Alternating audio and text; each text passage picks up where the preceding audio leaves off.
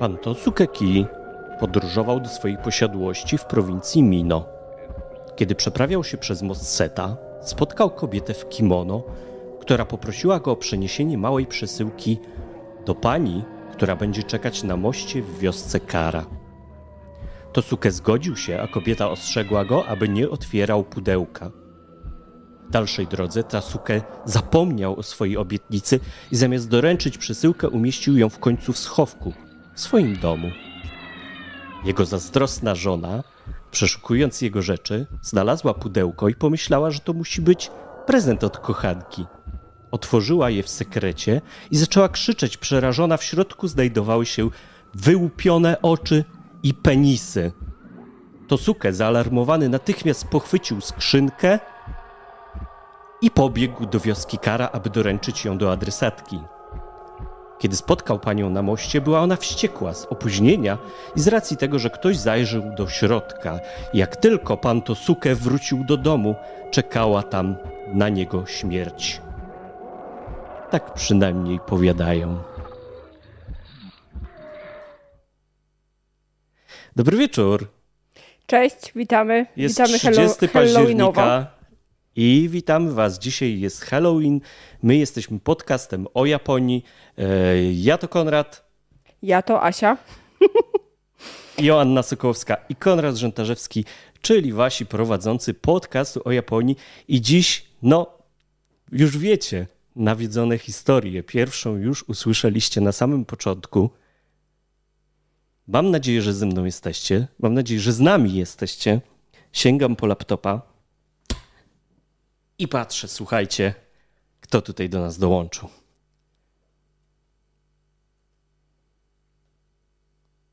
Aśka, może ty zaproponujesz e, jakiś e, krótki rozkład tego naszego dzisiejszego spotkania? Jasne. E, Dzisiaj przygotowaliśmy dla Was sporo atrakcji. E, O części z nich już wspomnieliśmy e, i w opisie wydarzenia na Facebooku, i w opisie tutaj filmu na żywo, ale troszeczkę zdradzę tym razem więcej. Przygotowaliśmy spotkanie, które można powiedzieć podzieliliśmy na takie no, trzy segmenty. Pierwszy segment nie, pewnie to Was nie zdziwi ani nie zaskoczy. e, Poświęciliśmy yokai, yokai lub jak niektórzy wolą mówić mononoke.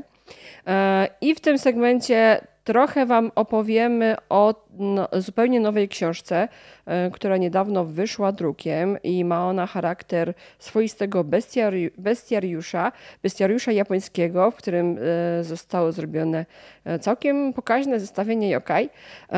Potem sobie troszeczkę e, opowiemy o tych yokai, które Wy najbardziej lubicie, ponieważ na naszej grupie Japonia budżetowo e, zrobiliśmy mały plebiscyt i e, przez cały tydzień głosowaliście na ulubio, ulubione yokai i zaraz się dowiemy, które to jest to właśnie ulubione yokai podróżników. A tutaj Zabijaka podpowiada, że będzie jakiś segment o filmach. Tak, będzie segment o filmach, e, o filmach, e, ale i trochę i o ściążkach. E, Powiemy sobie o najciekawszych, naszym zdaniem, ale też waszym zdaniem, najciekawszych filmach japońskich, które budzą grozę ścinają krew w żyłach. Tych filmów my oczywiście mamy dla Was przygotowanych całkiem sporo, ale powiemy tylko o kilku, bo chcemy, żebyście właśnie w tym segmencie Wy zabrali głos i jak tylko ten segment się zacznie, to będzie można, słuchajcie, zacząć do nas dzwonić e, i e, dwie mm, pierwsze osoby, mm, które e, się do nas dodzwonią i opowiedzą, który japoński film ich zdaniem jest najbardziej straszny albo na nich zrobił największe wrażenie, to zostaną u nas, u nas na, uhonorowane specjalną, nawiedzoną nagrodę. Jeszcze o tym będziemy za chwilę, na, nagrodą i za chwilę będziemy o tym mówić. To już wiem, czemu Zabijaka się tak dopytuje akurat o ten segment.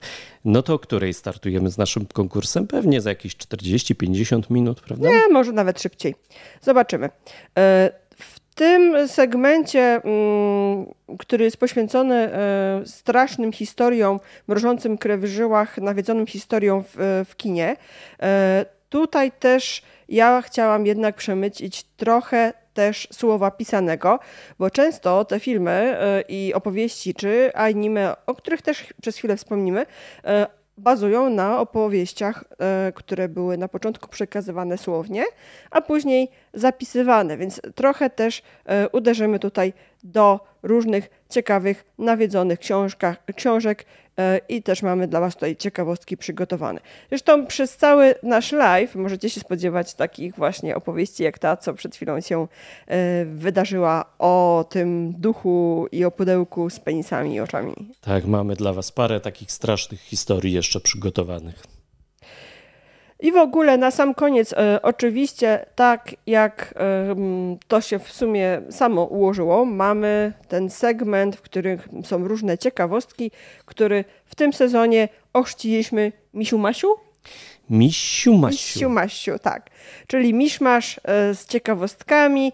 E, część z nich oczywiście dotyczy, e, przynajmniej te, część z tych ciekawostek, które my przygotowaliśmy, dotyczy Halloween i różnych takich strasznych rzeczy, ale e, jest to też miejsce, gdzie można zadawać pytania na tematy dowolne, ponieważ e, my chcemy służyć Wam pomocą i radą, zarówno jeżeli chodzi o, o mm, projektowanie podróży, planowanie podróży do Japonii, ale też jeżeli e, interesuje Was kuchnia japońska czy jakieś inne aspekty kultury, to śmiało pytajcie. Jeżeli będziemy tylko umieli odpowiedzieć, to wtedy na takie pytania odpowiemy. Asia, piękne kolczyki jak zwykle i koszulki też niczego sobie. Tak pisze Alutka, który pod pseudonimem z dużą literką A się ukrywa. Dzisiaj, jak pewnie zauważyliście, jeżeli oczywiście oglądacie nas w wersji wideo, bo jeżeli słuchacie nas, nas w wersji podcastowej, to wiedzcie o tym, że rzeczy, które będziemy pokazywać, a będziemy pokazywać dzisiaj same straszne rzeczy, e, możecie też zobaczyć na naszym YouTubie. To jest ojap.tv. I co? I tutaj widać też, że y, mamy parę osób na, z nami na żywo. Y, widać te nasze czaty, pojawiają się one na dole ekranu, i to jest jedna z tych niespodzianek, które na dzisiaj dla Was mamy przygotowane. A gdybyście chcieli, żeby nasz kanał YouTube'owy się rozwinął, y, potrzebujemy nadal do tysiąca jeszcze troszkę subów żeby YouTube poodblokowywał nam wszystkie funkcje. Na przykład e, dziś wystartowała na YouTubie e, kolejna funkcja super, która polega na tym, że e, można organizować na YouTubie zbiórki charytatywne i nam by się to strasznie przydało na WOŚP. Także jeżeli chcielibyście, żebyśmy zrobili dla Was jakiś, jakąś WOŚPową aukcję charytatywną, no to trzeba subować. Tutaj jest 528 i jak tylko zasubujecie, tą ta liczba powinna się e, zwiększać. Także do tego Was zachęcam.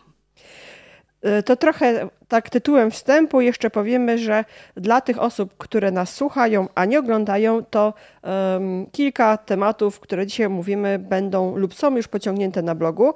E, także na przykład niektóre recenzje książkowe już są, a kolejne myślę, że w rozbudowanej formie pojawią się też za parę dni, e, bo nadrabiamy nasze, nasze e, czytelnicze tutaj opowieści e, recenzyjne, dlatego dzisiaj też sporo ciekawostek dla Was takich właśnie odnośnie czytania przygotowaliśmy. No dobra, ale co, chyba startujemy, tak? Tak jest. Dobra, to słuchajcie, na sam początek e, chcieliśmy Wam pokazać zupełnie, zupełnie nową książkę. Ta książka ma tytuł tak po prostu bestiariusz japoński. Bestiariusz japoński w podtytule Yokai tak żeby nie było wątpliwości, że osoba, która o potworach tutaj pisze, to jak najbardziej się odwołuje do literatury i legend japońskich. Autorem książki jest Witold Vargas i w ogóle ten pan e, napisał już, popełnił wielkie dzieło dwutomowy bestiariusz słowiański. Czasami tutaj w, tych opowieściach o japońskich duchach może się pojawić nawet taka wskazówka, że ten duch przypomina albo jest jakby odpowiednikiem, albo ma cechy wspólne z jakimś naszym słowiańskim bóstwem. Więc to jest też dodatkowy taki bajer, słuchajcie, e, którego w zagranicznych pozycjach raczej nie znajdziecie. E, książka została wydana przez wydawnictwo Bosch mm, i właśnie dzięki uprzejmości wydawnictwa Bosch dzisiaj e, ją Wam pokazujemy. I słuchajcie, jak na prawdziwy bestiariusz przystało, znajdzie się tutaj bardzo wiele pozycji. Książka jest bogato ilustrowana i ta książka ma taki fajny charakter, że e, na jednej stronie są ciekawostki o danym duchu, na drugiej stronie gigantyczna e, ilustracja, która e, pokazuje tego ducha. I co ciekawe, słuchajcie, powiem Wam od razu, że tej ilustrację zrobił sam autor.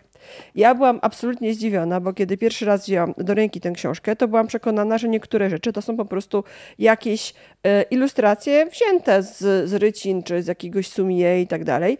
E, natomiast to są e, ilustracje autora, który bardzo nawiązuje do tej stylistyki japońskiej. Co ciekawe, te ilustracje są opatrzone kaligrafią i ta, ta kaligrafia została również przygotowana specjalnie na E, na, na potrzeby tej książki. Na, na, samym tutaj e, początku mamy na przykład przepiękną kaligrafię. Znajdują się, znajdują się też tutaj szkice. Te szkice zrobił podobno sam syn e, autora. Także książka od początku do końca jest to dzieło przy, przygotowane w takim, można powiedzieć, teamie, o którym zresztą autor w samym wstępie wspomina. E, jak ja kartkowałem ten bestiariusz, to by się przypomniały, słuchajcie, stare moje czasy, e, kiedy grałem w gry fabularne, no bo to jest jak żywcem po prostu podręcznik do e, gry RPG, gdzie takiego właśnie stracha można sobie spotkać gdzieś właśnie trakcie przygody, którą nasz mistrz gry e, nam proponuje i jest to nasz główny oponent, który, z którym rozprawiamy się sprytem i witem, czyli witalnością. Więc tutaj ja miałem taki właśnie flashback, ale bardzo pozytywny, na zasadzie, że nadal ktoś ma zajawkę na robienie takich właśnie katalogów pięknych pod względem wizualnych, ale też właśnie takich bardzo przekrojowych pod kątem właśnie e, opisu najważniejszych bestii, najważniejszych yokai, najważniejszych jurei. E, tak, bo może przypomnimy w ogóle, czym są yokai e, dla osób, które dopiero wkręcają się w tą yokajową kulturę. Yokai lub mononoke, bo to praktycznie są synonimy, to są e, stwory japońskie z baśni, z legend, z mitów. Nie wiem, czy tutaj mity e, akurat są odpowiednim słowem, ale ogólnie z różnych strasznych opowieści. E, I generalnie przyjęło się, chociaż oczywiście różne źródła czy różne szkoły różnie podają, ale generalnie przyjęło się, że yokai zawiera w sobie bardzo wiele różnych podgrup, w tym duchy, w tym różne potwory, które mm, ewoluowały albo jakoś się przemieniły, w tym jakieś powracające z zagrobu straszydła, czyli wszystkie różne dziwne rzeczy i e, dziwne stworzenia i nie muszą to być wcale stworzenia negatywne, to jak najbardziej e, pozytywne i negatywne duchy lasu, duchy zwierząt. Jeżeli oglądaliście księżniczkę Mononoke, to na pewno wiecie, że e, tych yokai E, i mon, czyli Mononoke, e, jest naprawdę wiele i, i japońska e, stara kultura aż kipi od tych duchów. Ich jest nieskończona ilość. Zdarza się, że podobne duchy mieszka, zamieszkują sąsiednie prefektury, ale mają trochę inne właściwości i już wtedy mają nadane inne, inne miano, więc na, naprawdę tych wariantów E, opowieści i baśni jest naprawdę wiele. Zresztą jak będziemy Wam e, zaraz opowiadać historii, to e, będziemy podawać na przykład alternatywne zakończenia albo jakieś inne szczegóły, które w najsłynniejszych, najbardziej popularnych historiach strasznych się pojawiają. Tak, Agnieszka tutaj pisze, że widzi w Empiku, że jest ta pozycja. Ona wyszła jakiś czas temu, więc nie będziecie mieć problemu do, ze znalezieniem tego w księgarniach. A można oczywiście też przez internet. Jest e-book? E, chyba jeszcze nie. Zresztą e, wydaje mi się, że e-book w postaci tej książki to byłby Sporo trochę... by stracił. Tak, prawda? stracił, bo całą przyjemnością jest to, że przeglądamy sobie i widzimy całą galerię niesamowitych postaci. Te postaci są ułożone w, e, w alfabetycznie na podstawie japońskich nazw i bardzo łatwo jest kogoś znaleźć, kogoś, jeżeli kogoś poszukujemy. No ja oczywiście Pierwsze, co sprawdziłam, no to szukałam e, nekomaty. Zaraz Wam pokażę, jak nekomata tutaj wygląda. Mam zaznaczone. No, przepiękny, jedno z moich najulubieńszych yokai, przepiękny kocur z rozdwojonym ogonem niesamowity stwór. No, ja jestem zachwycona. E, natomiast... Nasze nekomaty dzisiaj próbowaliśmy zwerbować tak. do odcinka, ale chyba wzięły chyba sobie poszły, wolne. Poszły w kimę albo poszły załatwiać jakieś, jakieś niecne sprawy. E, słuchajcie, natomiast e, Zajrzyjmy może właśnie na chwilę do naszej grupy. Konrad, jeżeli pokażesz mój pulpit, to e, będziemy mogli zobaczyć ankietę, która pojawiła się w naszej grupie Japonia budżetowo. E, Japonia budżetowo, kiedyś e, ta grupa dotyczyła tylko i wyłącznie podróży i, i, ciekawostek podróżniczych i takich tipów. Teraz mamy podtytuł Podróże, kuchnia, kultura i dzięki temu mogliśmy zrobić ankietę o yokai. I słuchajcie, głosowaliśmy na ulubione yokai naszej grupy, zrobiliśmy plebiscyt i zdecydowanie mnie to zaskoczyło, bo byłam przekonana, że wygra któryś z kocich, e, kocich e, yokai, czyli albo Nekomata, albo Bakeneko, albo coś innego. Tymczasem, słuchajcie, wyprzedził, wyprzedził znacznie, po prostu o, nie wiem, trzy długości stadionu, wyprzedził wszystkie stwory kitsune, czyli e, lisie yokai, i tu chciałam powiedzieć, może dlatego, że jest dobre, ale to nie jest do końca wcale takie oczywiste, bo kitsune mogą być różne. I e, w tej książce pokażę Wam, e, opisane są dwa warianty mm, kitsune. Ten pierwszy, który uznany jest za kitsune pozytywnego, czyli o, Zenko Kitsune. Przepiękna ilustracja, mam nadzieję, że że ją wi widać, nie w tą stronę, o tutaj do kamery pokazuję teraz.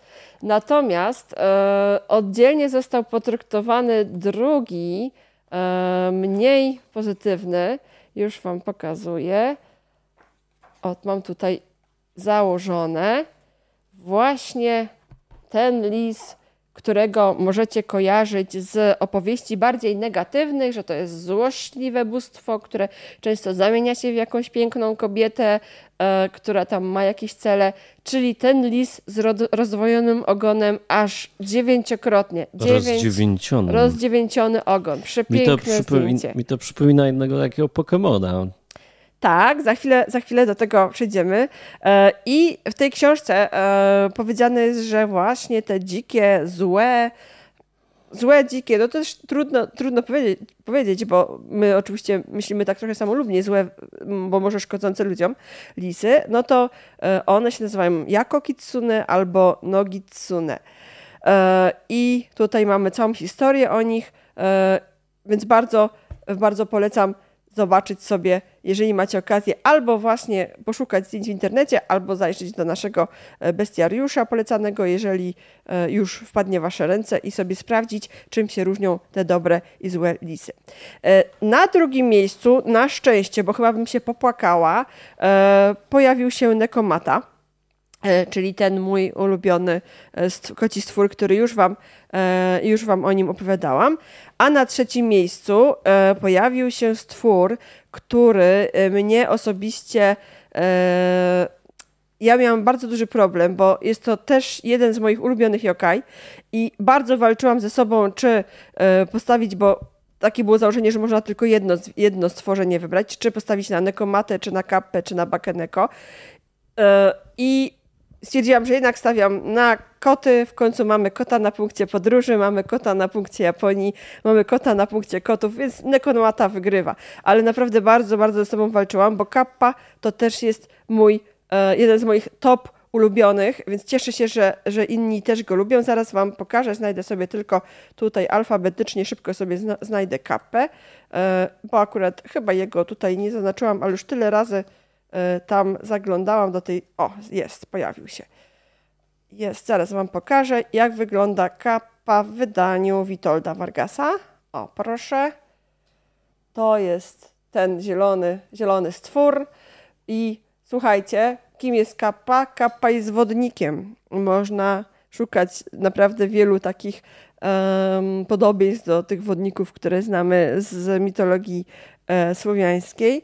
E, I słuchajcie. Jan lubi ogórki. Tak. Czy jest zielony jak ogórek? My już parę razy o tym wspominaliśmy jako o ciekawostce, że e, jeżeli wybierzecie się do restauracji sushi i byście chcieli zjeść coś bez mięsa, coś bez, bez, bez ryby, bez owoców morza, to możecie sięgnąć po maki z ogórkiem.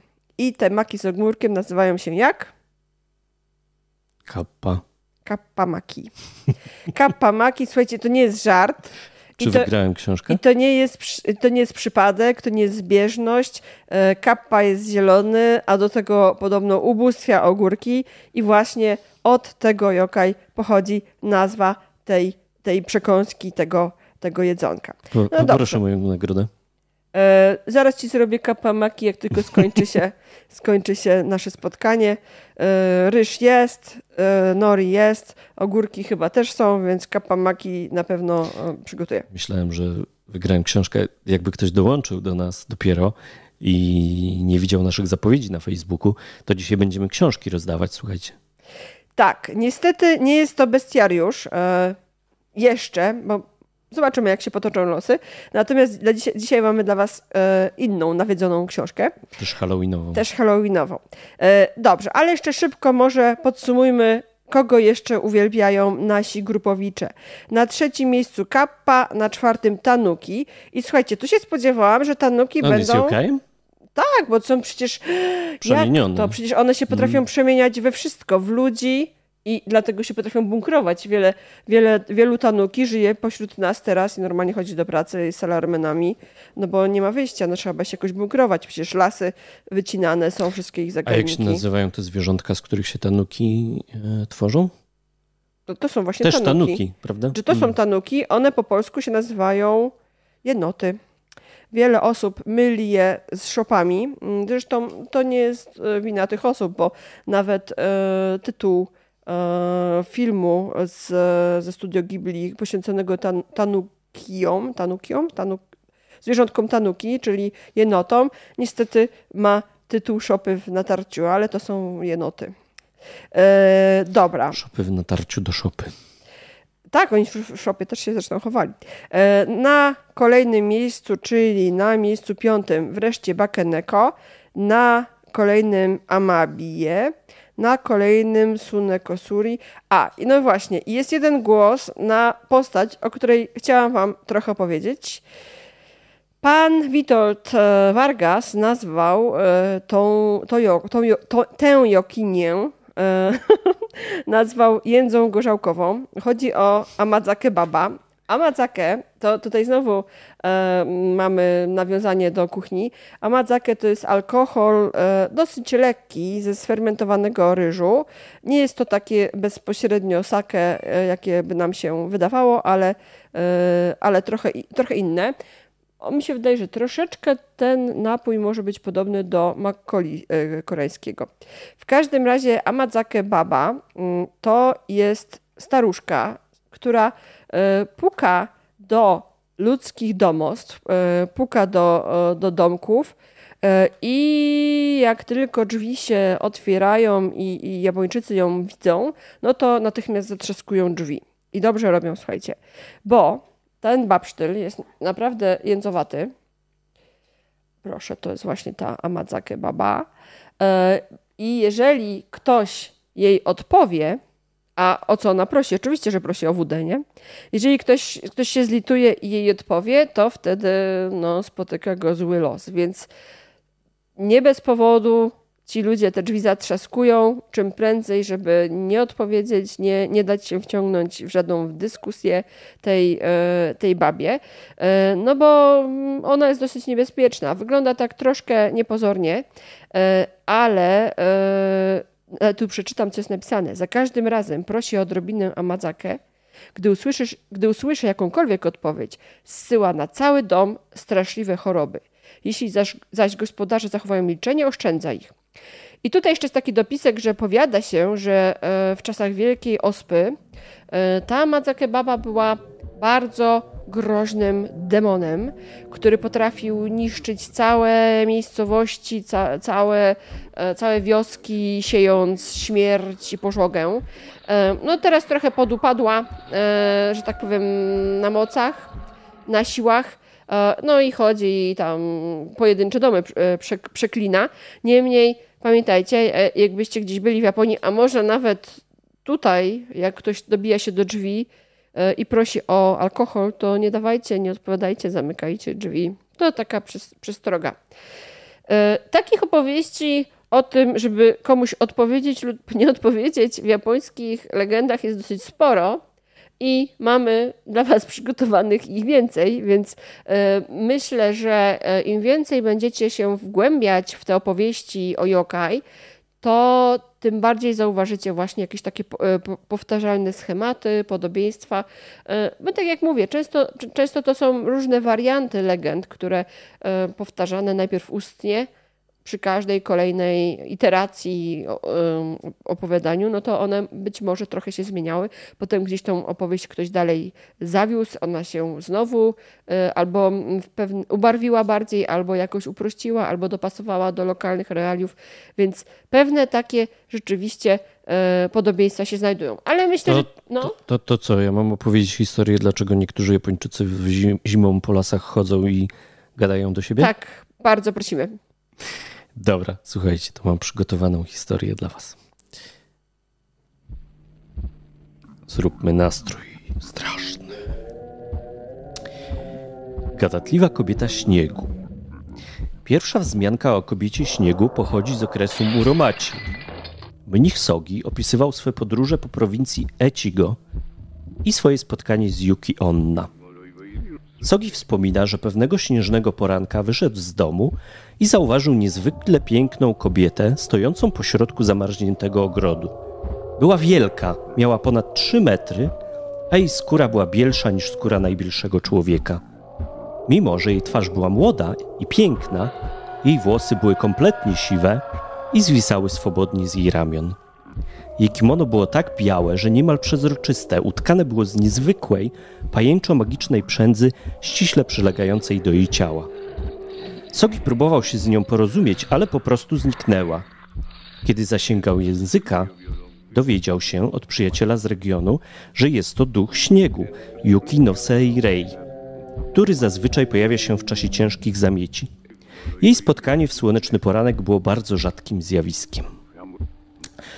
I z duchem śniegu, koty cicho, mamy związany przesąd właśnie, dlaczego ludzie chodzą po lasach. Otóż słuchajcie. Yuki Onna ma osobliwy sposób polowania. Musi podstępnie zachęcić swoją ofiarę do konwersacji. Kiedy spotyka człowieka w śnieżną, ciemną noc, będzie nawoływać go po imieniu. Jeśli nieświadoma osoba odpowie, ta rusza do ataku. Chyba, że jesteś z prefektury Fukushima albo Ibaraki, bo w tym wypadku Yuki Onna atakuje tylko tych, którzy jej nie odpowiedzieli, którzy ją zignorowali.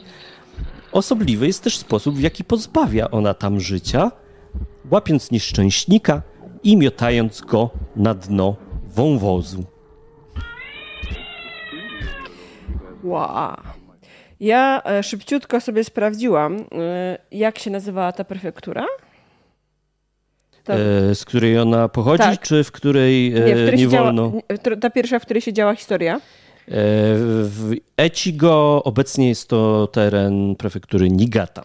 Właśnie, Niigata, czyli to jest ta prefektura, która słynie z ryżu. Jak tam będziecie, to bądź naprawdę trzymajcie się na baczności i no, trzeba być uważnym. No, grzeczność czasami y, nakazuje, żeby odpowiadać, y, ale czasami pamiętajcie, że no, będąc w Japonii, to różnie się może wydarzyć, więc uff.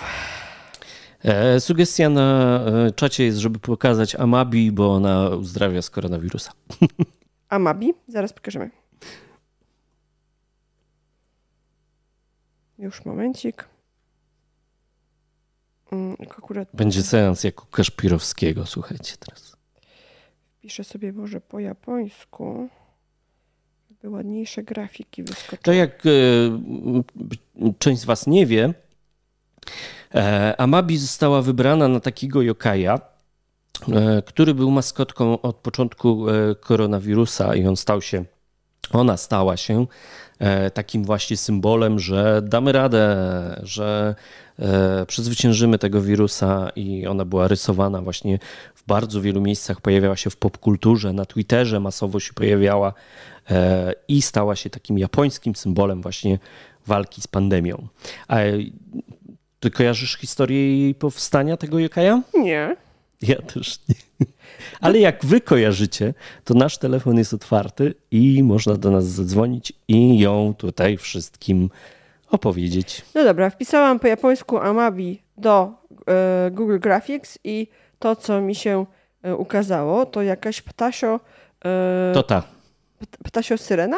Ptasio. to ona, tak, syrena z dziobem. Ale trochę przypomina też e, mm, syrenę, ale trochę jakąś taką kałamarnicę.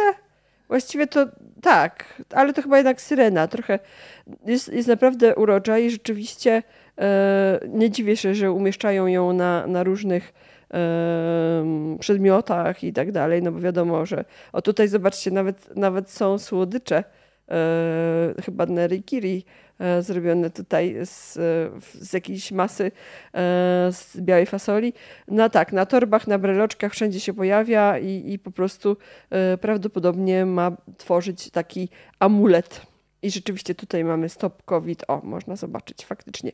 Ja chyba o tym słyszałam, ale powiem szczerze, że jakoś się nie, nie wciągnęłam w to, bo e, Ludka podpowiada, że jest też w książce twojej, w twoim bestiariuszu to ja muszę sprawdzić.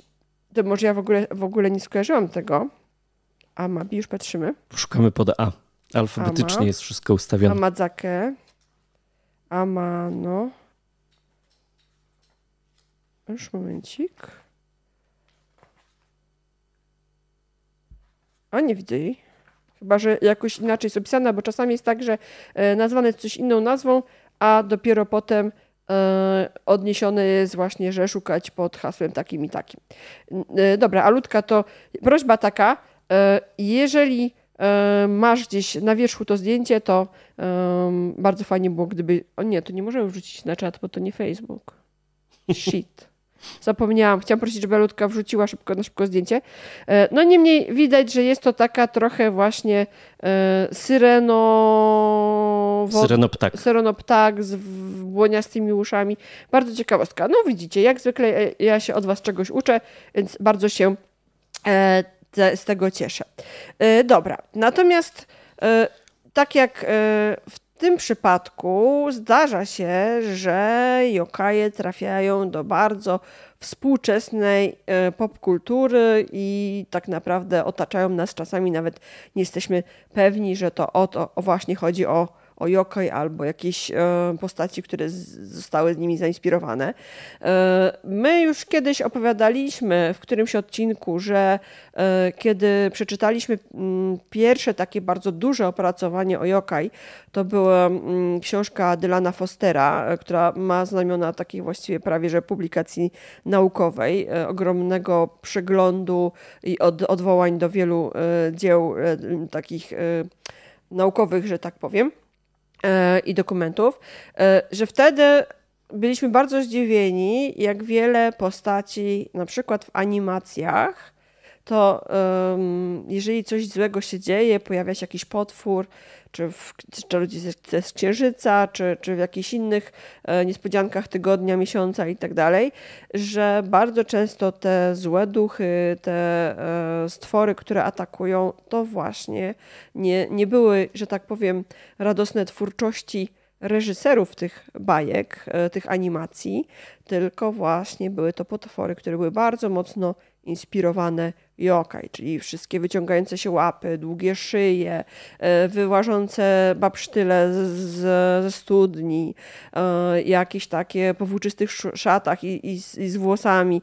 To wszystko, słuchajcie, bierze swoje początki e, w opowieściach o Mononoke i yokai. A Natomiast... czy ty wiesz, dlaczego duchy w japońskich, na japońskich obrazach, w japońskich przedstawieniach nie mają stóp?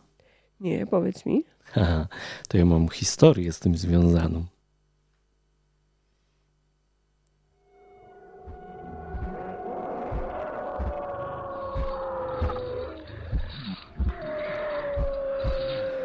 Duch Oyuki jest bez wątpienia najbardziej znanym i najbardziej wpływowym japońskim obrazem duchów. Jest to wzór dla idei całego kraju, jak wygląda duch. Białolica, czarnowłosa dziewczyna w białym kimonie ma korzenie w tradycji, a ten obraz, znany zwłaszcza z braku stóp, pochodzi z pędzla Maruyamy Okio. Chociaż polski tytuł to Duch Oyuki, faktyczny tytuł japoński to Yureizu Oyuki no Maboroshi, co tłumaczy się jako portret Yurei, wizja Oyuki.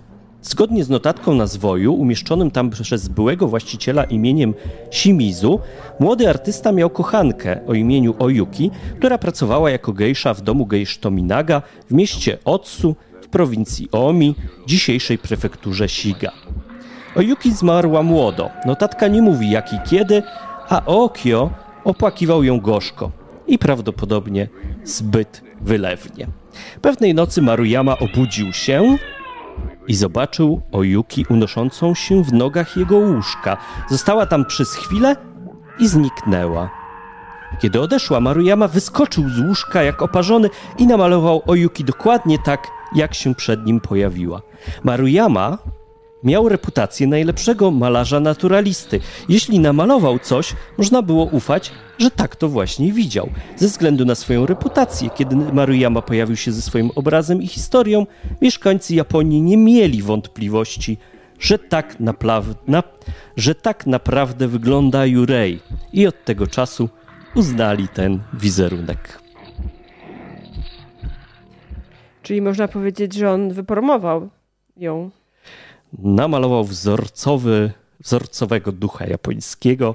E, ja wam jeszcze pokażę, winien jestem wam pokazać, albo ty pokaż może. Ja mam tutaj już niespodziankę kolejną, którą właśnie. Jak właściwie wyglądał ten obraz, prawda? Bo to był duży zwój e, pionowy i nie ma ten duch stóp. Już otwieram, ale zanim wam pokażę, to y, oczywiście jesteście wspaniali i reagujecie na, na nas i na nasze prośby. Y, dostałem y, właśnie wiadomość od Michała Klimaszewskiego, naszego specjalista od kotów, który z innego bestiariusza, z japońskiego ewidentnie, przesłał nam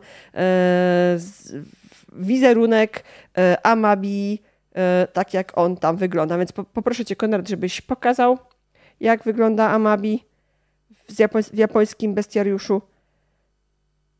E, to ja moment, bo ja jeszcze tutaj jestem na fazie o Yuki.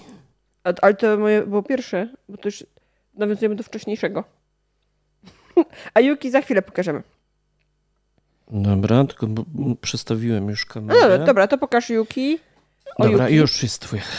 No to teraz to nie. Czekaj, bo ja to miałam tu. Już. O, tak wygląda. Właściwie e, niewiele różni się od tych szkiców, które pokazywaliśmy. Ma też takie włosy zielonkawe, jest dziób i ewidentnie ciało pokryte łuską i podpisane Amabi przez długie, przez bi i długie, jeszcze i. Amabi. A tutaj już duch Oyuki. Ale myślisz, że Bez on... stóp. Ale myślisz, że on po prostu narysował... Nie ma stóp. ...ją tak, bo to jest taka wizja artystyczna, czy on faktycznie tych stóp nie widział? No, skoro stała w nogach jego łóżka, no to na pewno nie widział. Może po prostu. Myślał, że lewituje, że się unosi no jak zjawa. Nie prostu. wiemy, czy ona się unosiła, czy lewitowała. No oczywiście, że się unosiła jak każdy duch. We wszystkich filmach to one tak ju, ju, ju, nie? Niczym duszek Kasper. Dobra. Natomiast ja chciałam pokazać jeszcze e, coś innego, mm, a mianowicie zaczęliśmy mówić o tym, że e, o tym, że yokai e, pojawiają się bardzo licznie w dziełach współczesnej popkultury. I tutaj mam kilka przykładów tego, o czym chcieliśmy opowiedzieć, a mianowicie o naszej ulubionej, czy twojej chyba dalej ulubionej, mojej chyba współulubionej gry, e, w którą gramy od kilku lat, e, a mianowicie w Pokémon Go. Oczywiście to jest tylko czubek góry lodowej, no bo Pokémon Go powstało już po całej masie seriali i innych gier. E, w każdym razie tam pojawiają się postaci przeróżnych stworków i słuchajcie, naprawdę wiele z nich zostało zainspirowanych Joka. Ja wam pokażę na razie kilka. E, I pierwszych z nich, z pierwszym z nich będzie Slowking.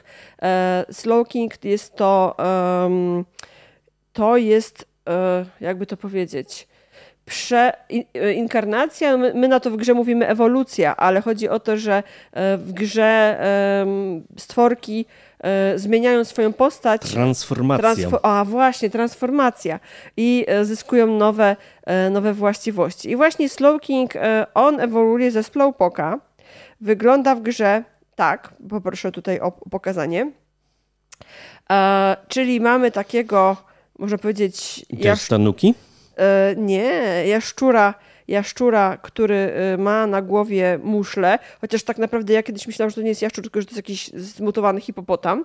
I słuchajcie, y, ten, to, ten stworek został zainspirowany y, innym, innym yokai, który się nazywa Saze Oni. Zaraz wam je pokażę. Pokażę wam w naszym bestiariuszu. O, już mam.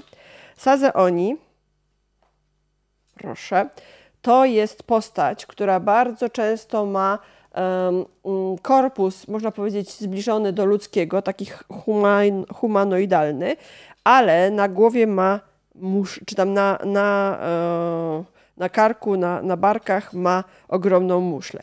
I właśnie tak wygląda przecież nasz Slow King, e, który ewidentnie e, został zainspirowany Sazeoni. Sazeoni um, um, to się mówi, że on ma tą, e, tą muszę na głowie, e, ale e, że mm, to jest zwierzę, które teoretycznie można by było zjeść.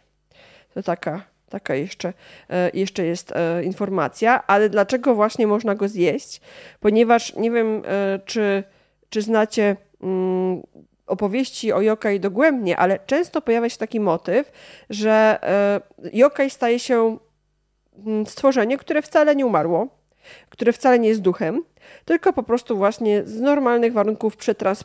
Prze, przetrans co? Transformowało, przetransformowało ze zwierzę. Zresztą tak jest z kotami Bekeneko, prawda? One dochodzą e, pewnego wieku i nagle sta, stają się, nabywają właściwości magicznych, możliwości i stają się duchem. I w przypadku Sadze, e, Sadze Oni to jest dokładnie tak samo, bo e, chodzi o to, że jeżeli są ślimaki, sadzae, które przekroczą wiek 30 lat, to wtedy właśnie się zmieniają w tego oni, w tego, w tego ducha. To taka jest informacja. E, innym, moim absolutnie jednym z top ulubionych um, Pokémonów, o których Wam chciałam powiedzieć, jest Shiftry. E, jakbyś mógł Konrad go pokazać. Shiftry to też jest ostatnia ewolucja Pokemona, który najpierw przypomina dębowy orzeszek, e, potem jest takim ptako stworem roślinnym. E, tutaj widzimy, że ma bardzo dużo w sobie z bambusa. I akurat na tym zdjęciu nie widać, ale e, on ma klapki geta mm, na takim jednym, jednej deseczce, tak jakby. I słuchajcie, kim jest Shift, shift, shift Tree? Shift Tree, już Wam pokażę. To jest kolejne bóstwo. E, mam nadzieję, że tutaj już zaraz sobie je znajdziemy. Już sekundkę. Już szukam, szukam. Ok.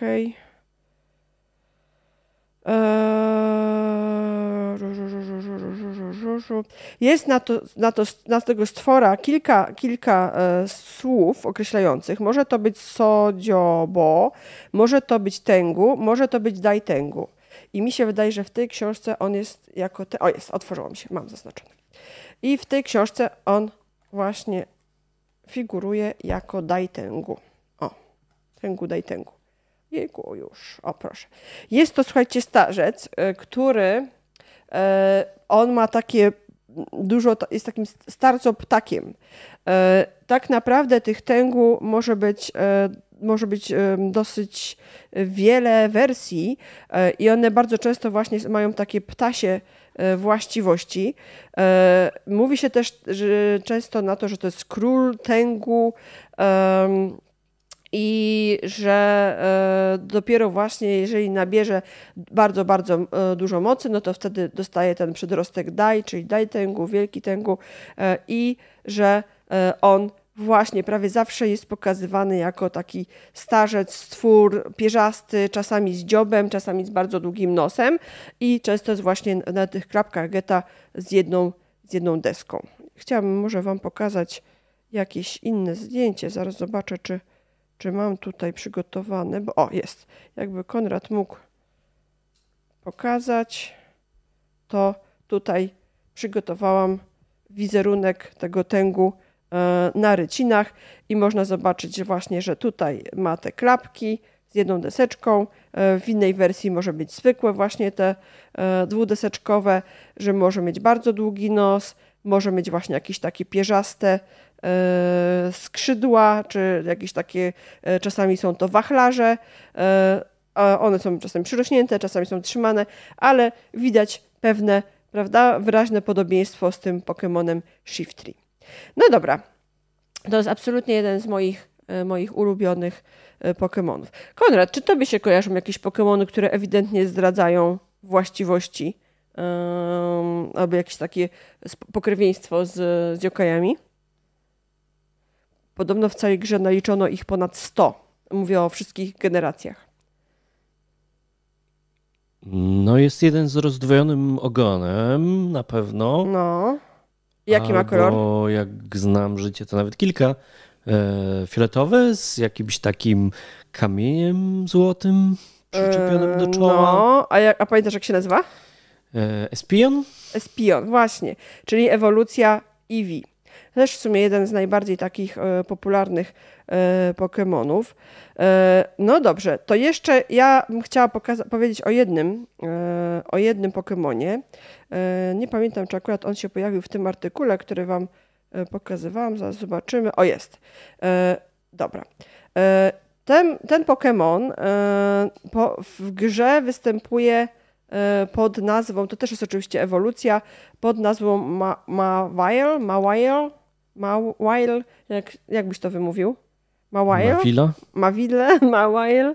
E, w każdym razie mm, to e, jest taka jakby elegancka, śliczna, dosyć słodka panienka, która ma gigantyczny kucyk i te, okazuje się, że ten kucyk to jest takie ogromne paszczenko, E, które e, no jest dosyć niebezpieczne i właściwie żyje swoim własnym życiem. E, I jest kilka, mm, kilka, kilka informacji, od jakiego, jakiego jokaj ona pochodzi. My tutaj mamy przygotowane dla Was zdjęcie. Jeszcze jednego Wam pokażę Pokemona z naszej książki, tylko już momencik otwieram. A, B, C, D, E, F, G, H. Już momencik. Miałam gdzieś tu zaznaczone, ale, ale gdzieś mi to umknęło. Okay. O, jest. Futa kuci onna. Kuci to po japońsku usta, onna to po japońsku kobieta. O, możesz pokazać bliżej. Zobaczcie, jest kobieta, która też we włosach ma ukrytą taką złowieszczą, yy, nienażartą paszczę, można tak powiedzieć. I yy, ja ewentualnie, ja ewidentnie jestem przekonana, przekonana że Mawile czy Mawile to jest właśnie Pokémon pochodzący od tego bóstwa. Mi to przypomina znaczy... takie e, psychologiczne obrazki, że pokazują, czy widzisz najpierw, yy, czy, czy, co pierwsze zauważasz? Mężczyznę czy kobietę? To w tym wypadku co wcześniej widzisz? Potwora czy kobietę? To prawda, to prawda i bardzo dużo rzeczywiście zależy od interpretacji, bardzo dużo e, zależy od tego, e, czego, co byśmy chcieli zobaczyć. E, natomiast ja jeszcze szybciutko Wam pokażę mm, taką inną stronę, mm, tak, tylko tak przeglądowo, bo przecież nie chcemy całego naszego spotkania poświęcić Pokémonom, bo to by było chyba za nudne. To, że my mamy na ich, e, Fisia na ich punkcie, to nie znaczy, że wszyscy. Ale tutaj są już bardzo wyraźnie pokazane właśnie um, wersje oryginalnych Yokai, Mononoke e, oraz e, Pokémony, od których zależy. Jest to dosyć E, dosyć rozbudowana listwa. O tutaj e, też się pojawia Futa Kuci Onna, też jeszcze w kolejnym w kolejnej wersji. Oczywiście pojawia się Kitsune. Tak, Kyubi no Kitsune z dziewięcioma ogonami. To też jest, Ninetales to też jest jeden z moich ulubionych Pokémonów, jest z, z gracją. Tutaj mamy Amikiri i Gligar, e, który został zainspirowany tym Pokémonem. No o, o Sadza, o Sadza już mówiliśmy. A no właśnie, e, Drowsy To, to taki stworek, który pochodzi ewidentnie od Baku. E, zwłaszcza, że jest on zaliczany do Pokémonów, e, które mają zdolności psychiczne i jakoś tam umieją e, hipnotyzować ludzi i tak dalej. No i proszę, Executor, e, no to jak najbardziej takie yokai też istnieje. Możemy zobaczyć, że yokai nie muszą być wcale e, na nogach, których używają lub nie, bo może to być jak najbardziej e, drzewo, które zawiera w sobie E, ileś tam stworów.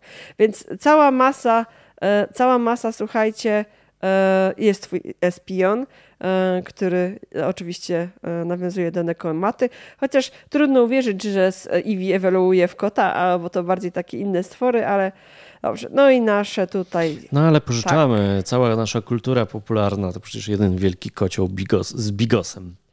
A właśnie, a e, to są te Pokémony, które teraz wyskakują, czyli e, Dusclops, który jest ewidentnie e, Pokémonem strasznym, duchowatym i, i teraz w okresie e, blisko Halloween wyskakują na każdym kroku, jakby tak odpalić. Mi, mi trochę czeskiego golema to przypomina, tego tak. pierwotnego, ulepionego z gliny. Żydowskiego? On był chyba z mitologii czeskiej, pochodził oryginalnie. Mm, okej. Okay. Znaczy, yy, myślę, że, że bardzo wiele kultur ma bardzo podobne stwory. Zresztą widzimy to, prawda? Widzimy to podobieństwo. Yy, cioci Nobakę. Yy, o, właśnie. No i tutaj legendy. To już, kurczę, to są już te silniejsze Jokin, czyli Kirin. A tutaj twój, ty bardzo lubisz tego Pokemona. Snorant, czyli my mówimy na niego trzęsący się serek a to znowu jest Yuki Warashi, czyli znowu mamy do czynienia ze śniegiem.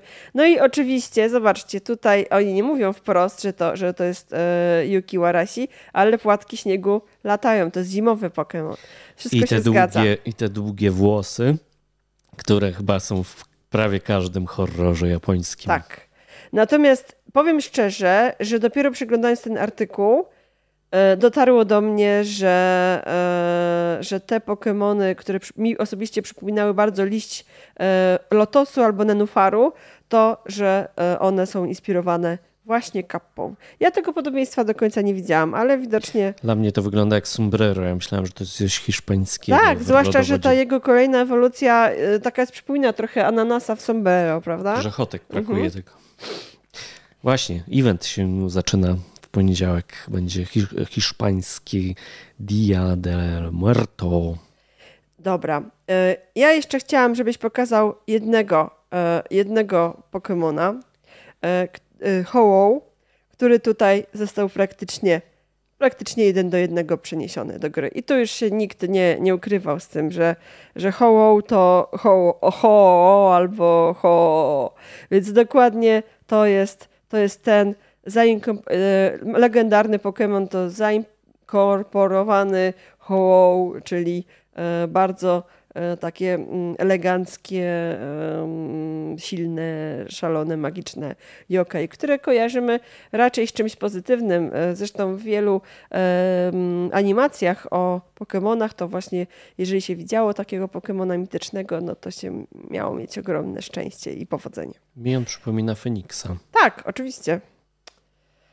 No dobra, to myślę, że ten przegląd e, pokemonowych yokai e, możemy y, już tutaj zakończyć. Ja za chwilę Wam do czatu wkleję link do tego artykułu, bo e, miałam taki plan, żeby napisać artykuł, ale na pewno nie będę robiła aż takiego, aż takiego wielkiego porównywania, bo jak zaczęło do mnie docierać, że tych Pokémonów są dziesiątki, a tak jak mówię, gdzieś wyczytałam, że ponad 100, no to tego tej roboty byłoby bardzo dużo, a widać, że już ludzie, niektórzy, którzy mają fisia na punkcie tej gry e, i OK, to zrobili, więc podrzucam wam link do tego fajnego artykułu, gdzie można się więcej dowiedzieć i można też poszukać e, tam też dodatkowych informacji o yokai, bo ile razy bym nie szukała gdzieś o jakimś stworze, to w każdej, na każdej stronie, w każdej książce trochę inne będą te opowieści, ciekawostki.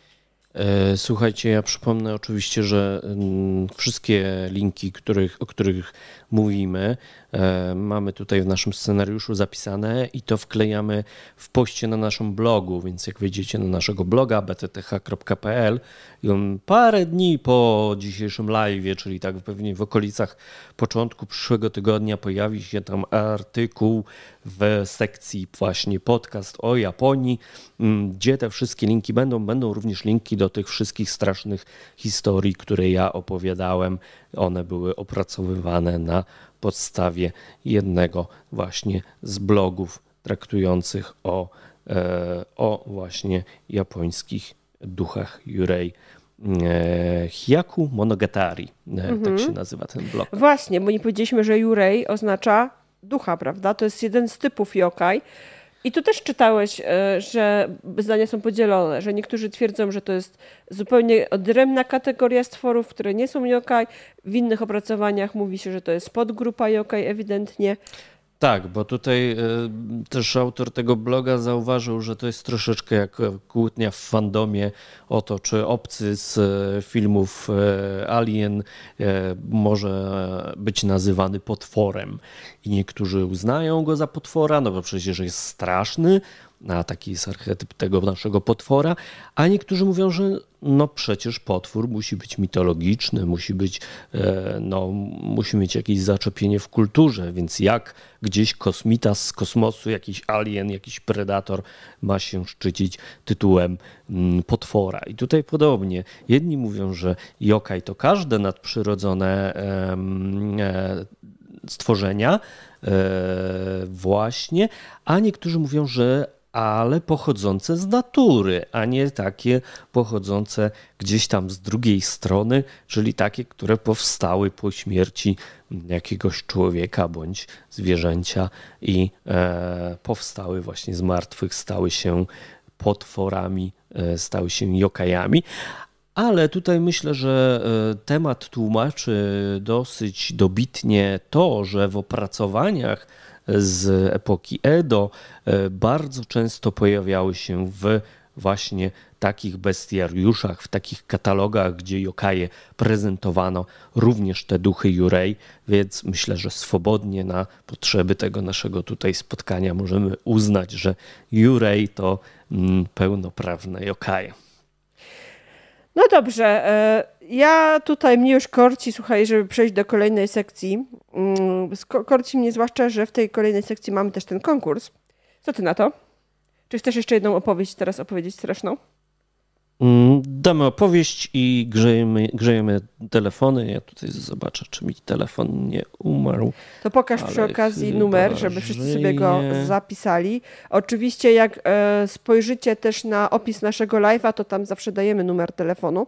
E, niemniej przypominam, jest to 510 486 024.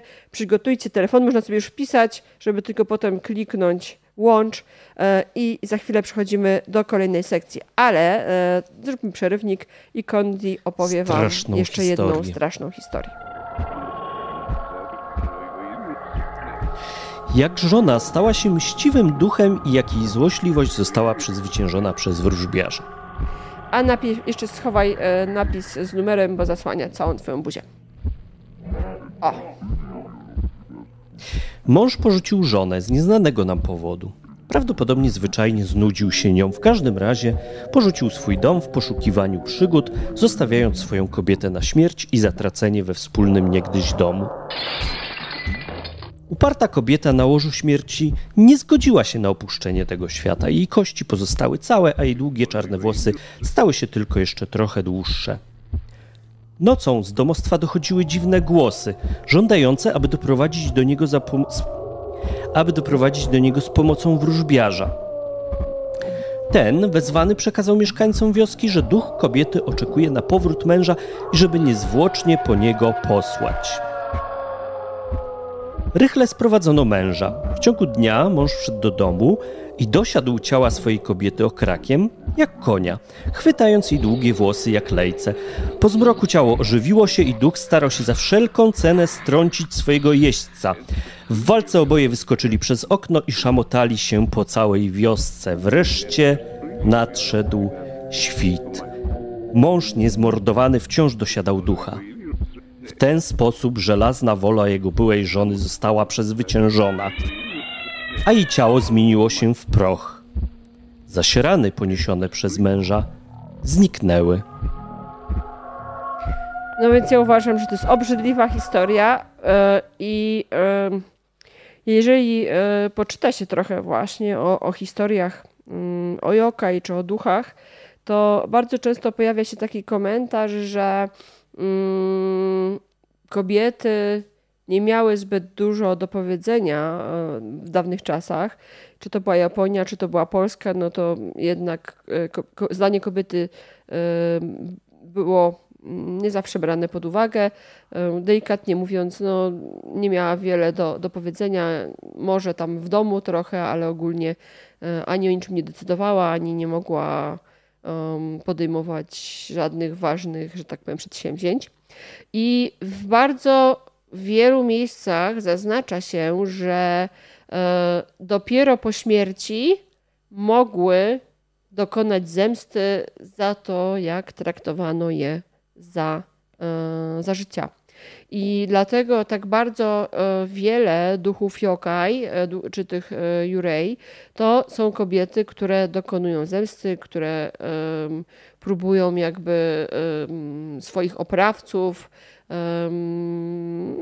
ukarać za to, co im, co im zrobili. I tutaj jak najbardziej ta historia się w to wpisuje. Moim zdaniem to jest obrzydliwe. Nie dość, że facet kobietę zostawił, bo się nią znudził, to jeszcze potem no, ją ujarzmiał. Nie, no to po prostu dla mnie jest okropne, okropne. Mam nadzieję, że jeszcze ona wróci i mu pokaże. E, no dobra, słuchajcie, e, tym, e, tym optymistycznym akcentem przejdźmy do kolejnej części naszego dzisiejszego spotkania. To, o którą, o którą się dopytywaliście, czyli Halloween na ekranie i na papierze. Może nawet nie tyle Halloween, ile groza, japońska groza na ekranie, japońska groza na papierze. I słuchajcie, właśnie to jest to, to, ten moment. E, ma, znacie już nasz numer telefonu 510 486 024. I tutaj przygotowaliśmy dla Was e, bardzo prosty konkurs, bo e, konkurs po prostu polega na tym, żebyście się podzielili informacją, który film japoński, czy to thriller, czy to jakiś jakaś animacja, czy to może taki horror e, aktorski, e, zrobiło na Was największe wrażenie. Najbardziej Was przestraszył, a może najbardziej Was zaskoczył konceptem, albo może najbardziej Was zaskoczył efektami. No wiemy, że kino grozy japońskie, horrory japońskie, no to stoją na bardzo wysokim poziomie i 10-15 lat temu mieliśmy naprawdę um, takie zachłyśnięcie się zachodu które mm, usłyszało, obejrzało po raz pierwszy, czy to Ring, e, czy to inne japońskie produkcje i zobaczyli, że to nie musi być ten schemat znany z amerykańskich horrorów, których ja nie lubię, że ktoś przyjeżdża do domu i tam się, odbywa się potem w nocy jakieś polowanie na tych ludzi przez duchy albo zombie. Wcale to nie musi być takie wprost. I co ciekawe, że często te japońskie horrory pokazują życie bardzo zwyczajnych ludzi i bardzo zwyczajne sytuacje, które, w których moglibyśmy być sami my. Dlatego to jest takie przerażające, że no, nikt z nas nie jeździ do nawiedzonego domu spać, prawda? No, no hello. Natomiast e, no, kasety, to ja używałam kaset e, i wideo, i, na, i, i, magnetofonowych jak najbardziej. Miałam wielokrotnie w ręku. No to może akurat film trochę trąci już teraz myszką dla młodszych, e, młodszych tutaj naszych widzów, czytelników, odbiorców, ale no my żeśmy kasety wideo jak najbardziej używali na co dzień, nagrywało się, przegrywało. Tak samo e, jakieś, e, no telewizora też każdy używa, tak? I to, że może się pojawić coś złego w przedmiotach naszego codziennego użytku, no to jest takie straszne. E, my za chwilę opowiemy o, o, o, kilku filmach od naszych takich top 4, top 5, e, które na nas zrobiły wyjątkowe wrażenie, ale chcielibyśmy, żebyście do nas wy też zadzwonili e, i krótko podali temat i krótko powiedzieli, gdzie obejrzeliście ten film pierwszy raz, jakie wrażenia, co takiego niesamowitego w nim, w nim było. I słuchajcie, i teraz jest ta niespodzianka. Mamy dla Was przygotowane nagrody. E, nagrody, które ufundowało wydawnictwo Kirin, nasze super zaprzyjaźnione wydawnictwo, e, którego książki z całą mm, naprawdę szczerością polecamy, bo są rewelacyjne. E, my je czytamy i, i z całym e, szacunkiem dla wydawnictwa polecamy z, z przyjemnością je dalej.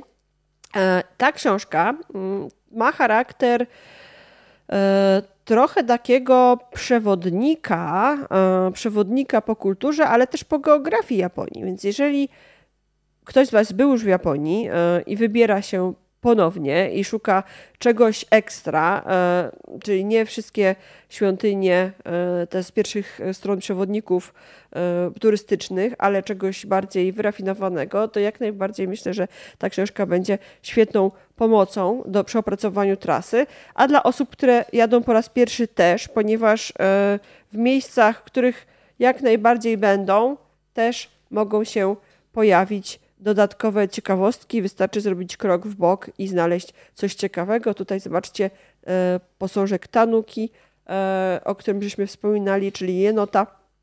E, I powiem szczerze, że ja tej książki jeszcze całej nie przeczytałam, dopiero się za nią zabrałam. Bardzo mi się podoba, ponieważ... Dopiero przyszły, bo one tak. miały w tym tygodniu premierę.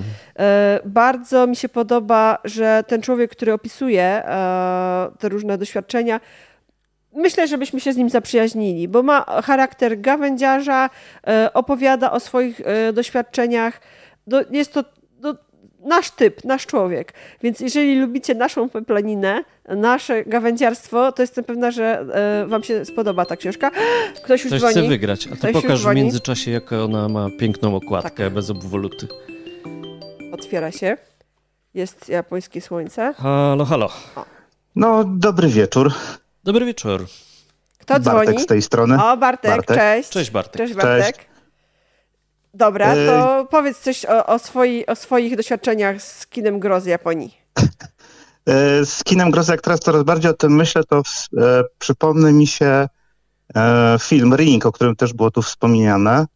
A mianowicie, jak dobrze pamiętam, to dzisiaj jest któraś rocznica, jak go oglądałem, jak, bo e, to było tak, że nie udało mi się halloweenowy wypad, więc wróciłem i w sumie byłem sam w domu i, ogl i go oglądałem.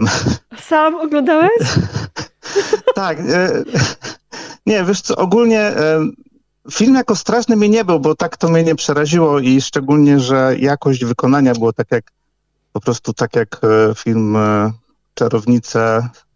Że taki trochę bo... horror e, klasy B? Hor tak, horror klasy B, taki po prostu zwykła historia, coś tam, ale jak jest tam scena, jak ta główna straszycielka wychodzi z telewizora.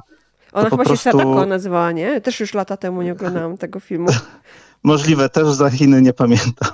Ale po prostu e, to takie było dla mnie i pół straszne, i pół fascynujące, bo na jakość ogólnie całego tego filmu, e, to jak to było wykonane, to takim super realizmem brało, że po prostu tak się to wkomponowywało w scenę po prostu nie wiedziałem, czy zbierać szczękę z podłogi, czy się chować bardziej pod kołdrę.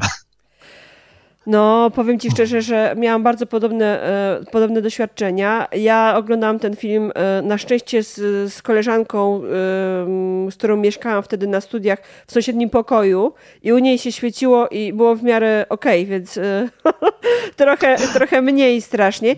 Natomiast wiesz co, mam dokładnie takie same wrażenia. Sama oglądałam z kolei taki w horror nie japoński, mm, mhm. ale jak to, jak to się nazywało, że w, w, namiocie w jakimś lesie byli i nagrywali taką taśmą VHS, co to Konrad było? Blair Witch Project. Blair Witch Project, właśnie, ale to, to jak opowiedziałeś swoją sytuację, to dokładnie miałam identyczną z Blair Witch Projectem i też niby to nie było nic takiego, ale prawie, że sikałam po nogach, no.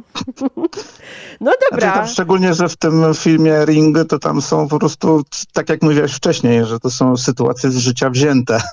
A powiedz mi... To, to jest taka klasyka, że ona chyba nawet była przerabiana, ja nie wiem, czy w jakimś strasznym filmie chyba nie, był pastisz tego ringu, prawda? Było bardzo tam, wiele. Że tam tą znaczy, wiem, że powstała e, amerykańska wersja, ale tak. już nie miałem siły do niej. My, ja amerykańskiej też nie oglądałam. Sadako już jest pełnoprawnym symbolem naszej popkultury. Natomiast tak. ja e, jeszcze tak, zapytam cię e, o jedną rzecz. Czy to był w ogóle pierwszy japoński horror, który oglądałeś w życiu? E, być może tak. Bo to wtedy, wtedy tak trafiało dopiero do nas, nie? Tak, dokładnie. No. To, to ja jeszcze powiem, że e, Konrad mi teraz przypomniał, musiałam sobie szybciusieńko zagooglać, zaraz wam wrzucę link do Filmwebu. Słuchajcie, jest pastisz, jest japoński pastisz, e, jest film, my go oglądaliśmy na festiwalu, gdzie ten film w ogóle ma tytuł Sadako kontra Kayako. Mianowicie chodzi o to, że była bitka pomiędzy Sadako z ringu i Kayako z klątwy, z The Grudge. I to dopiero była, był niezły, niezły... I one na siebie polowały tak, wzajemnie tak. przez cały film. Właściwie to chyba ktoś napuścił jedną na drugą, bo myślał, że się zniwelują, ale no nieźle to było. Słuchaj, Bartek, a co jeszcze ewentualnie ci przyjdzie do głowy oprócz ringu? Um... Tak jakbyś miał polecić na przykład tutaj nasz. Podejrzewam, że my wszyscy oglądaliśmy wszyscy te same filmy, ale może coś ci przyjść do głowy jeszcze. Nie, te, teraz zaczynam na Netflixie Tokio Ghoul oglądać. Wczoraj pierwszy odcinek obejrzałem. I... Ciekawe, czy skończysz do końca. Zobaczymy. Bo ja wymiękłam chyba po piątym odcinku. Czytałam komiks, y, manga mi się bardzo podobała, film y, czy serial animowany, powiem szczerze, pierwszy odcinek mnie zachwycił, a potem było coraz słabiej, więc daj znać, czy, czy obejrzałeś do końca. No dobra, Dobrze. ale tak czy inaczej Tokio Ghoul do czytania osobiście bardzo, bardzo polecam. No dobra, Aha. to książka do ciebie wędruje. Nawiedzona mm, Japonia, Katrin Ross, wydawnictwo Kirin. I co? Dzwoni ktoś następny już? Nie, nie. Do... Dobra. E, mamy tutaj... Chyba, że do drzwi. Chyba, że do drzwi, no właśnie.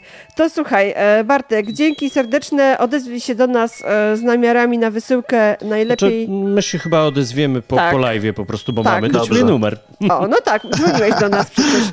Dobra. Racja. No, to dzięki, pozdrawiam. Dzięki, pozdrawiamy. Ja się tak zastanawiałam, czy, czy, czy będziemy dzisiaj mówić o ringu, czy nie. Osobiście powiem szczerze, że chciałam tego uniknąć, e, ponieważ wydawało mi się, że że posądzicie mnie, że wyciągam za bardzo stare kawałki, ale widzę, że dużo osób, e, które tu z nami są, to są nasi rówieśnicy i jak najbardziej mają bardzo, e, bardzo podobne doświadczenia. Ja Wam już wrzucam ten link do filmu Sadako kontra Kayako, żebyście, żeby Wam nie umknął, ale jeszcze będę o tym przypominać. Natomiast Poczekamy na e, kolejne zgłoszenie, bo mamy jeszcze jedną nagrodę do, do rozdania w takim błyskawicznym, e, w tym błyskawicznym konkursie, więc została jeszcze jedna książka, więc e, dzwońcie. Natomiast ja Wam teraz powiem, co wybrałam jako moje top ulubione filmy kina grozy japońskiego. Powiem szczerze, że było bardzo, bardzo trudno. Czy nie, z miejscem pierwszym w ogóle nie było trudno, ponieważ jest to film, o którym już chyba trąbiłam milion razy. Chodzi o film Takasiego Mike, mm, czyli Kuime, po polsku Po Twoim trupie. E, I ten film jak najbardziej, słuchajcie, pasuje do dzisiejszej okazji nawet pasuje podwójnie, bo raz, że jest to japoński horror, dwa, że jest to horror, który opowiada o um, aktorach teatru kabuki, którzy odgrywają jedną z najsłynniejszych najstraszniejszych opowieści e, typu kajdan, czyli tych opowieści dziwnych, opowieści strasznych, a mianowicie opowieść o duchu z Jotsua. Ja dzisiaj o tym filmie nie będę więcej mówić, bo o tym e, temacie, ten temat już był wielokrotnie u nas wałkowany, więc wrzucę e, w notatkach, a może nawet teraz w live'ie link do naszej bardzo długiej recenzji, mojej bardzo długiej recenzji, którą napisałam tuż po seansie tego filmu na festiwalu. E, już Wam e, ją wrzucam. E, ale chciałam powiedzieć o, o innych, nie, bo ja nie chcę się tak w kółko powtarzać o tym samym. Dwa kolejne filmy, które postawiłabym na miejscu drugim i trzecim, to pierwszy Kokuhaku, czyli polski tytuł Wyznania Tetsui Nakashimy o tym, że to jest nasz, jeden z naszych ulubionych reżyserów, to mówiliśmy też już parę razy, na przykład w odcinku e, w japońskim kinie, o, o japońskim kinie. I drugi film Lekcja zła, um, Aku no Kyoten Josho. E, I to jest film ponownie Takasiego Mike. Oba te filmy obejrzeliśmy na um, festiwalu Pięciu Smaków, na której się edycji nie pamiętam, to był jakiś 2015, coś 16, coś w tym stylu. E, w każdym razie oba filmy e, zrobiły na mnie ogromne wrażenie, mimo że mają inny charakter, bo Kokuhaku jest to historia nauczycielki, e, której dziecko zginęło e, i ona tak właśnie trochę w, taki, w takiej żałobie prowadzi lekcje. No i powiem szczerze, że e, zaczyna dokuczać swoim uczniom, ale oczywiście nie bez powodu to ma, ta, to, to całe dokuczenie ma swoje drugie dno. Nie chcę, nie chcę za dużo o tym mówić, żeby, żeby nie spoilerować. Lekcja zła też jest to horror dziejący się w, w szkole. E, lekcja zła, już ten tytuł trochę, trochę, trochę jakby to sugeruje. To też jest historia nauczyciela, który też okazał się być mm, mieć dwa oblicza, y, dwa bardzo skrajnie różne oblicza. Czy w ogóle był to super przystojny facet, na który, no prawie że jak model koreański, na którego e, wszystkie studentki, uczennice leciały. Przepraszam. E, ale um, on. Przepraszam. Ale on. Pokazuje Amabi szybko.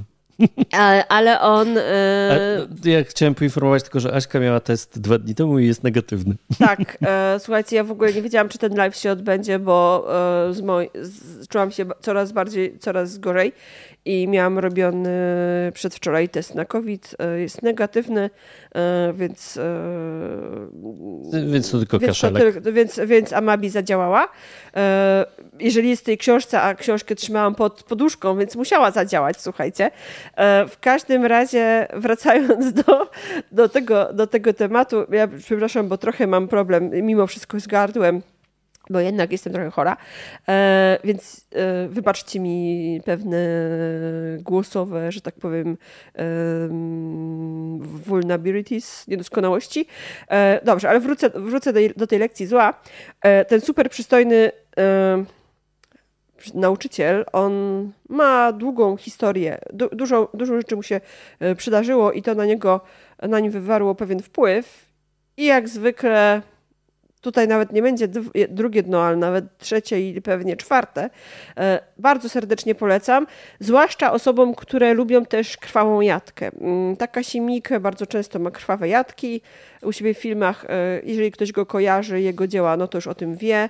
E, tutaj ta lekcja zła to jest też połączenie właśnie takiego thrilleru psychologicznego oraz no, na koniec będzie bardzo krwawy finał, więc się nie zawiedziecie. Ale da się wytrzymać. Y, ja y, nie musiałam się chować pod krzesło chyba więcej niż trzy razy podczas tego filmu, y, kiedy byliśmy na seansie w kinie, więc było nieźle. Ale jest jeszcze jeden film.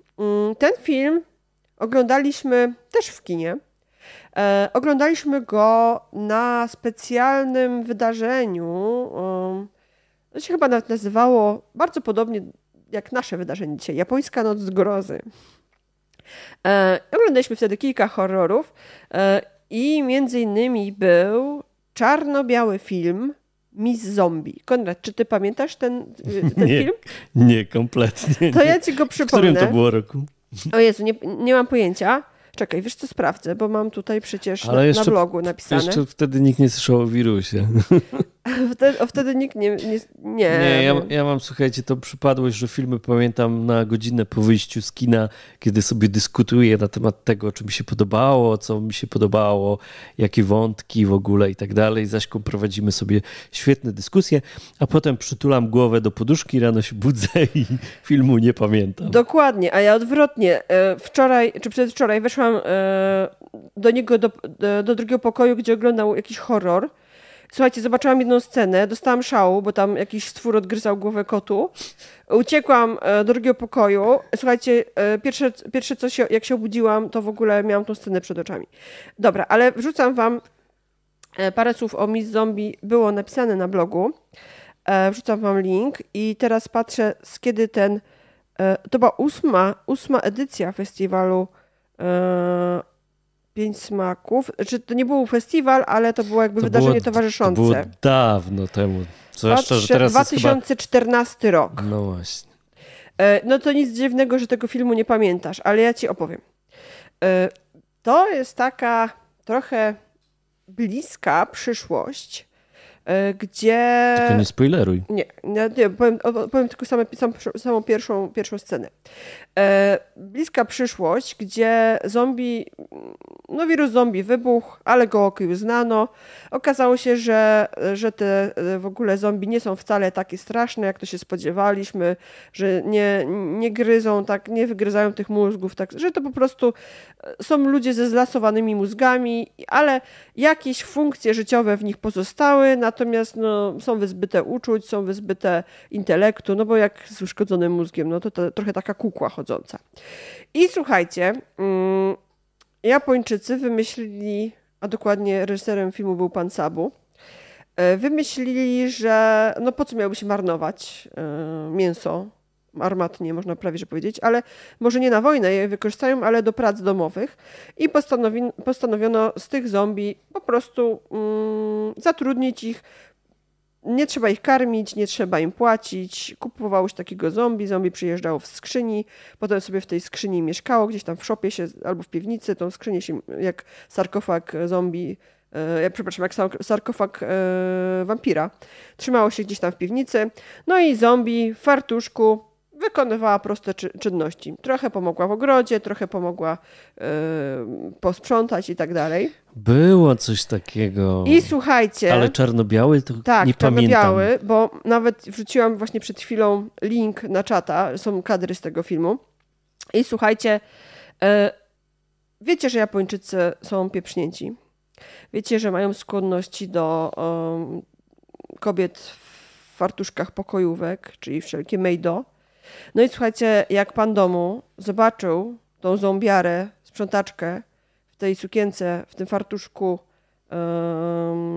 w tym fartuszku pokojówki, to po prostu zapałał do niej pożądaniem.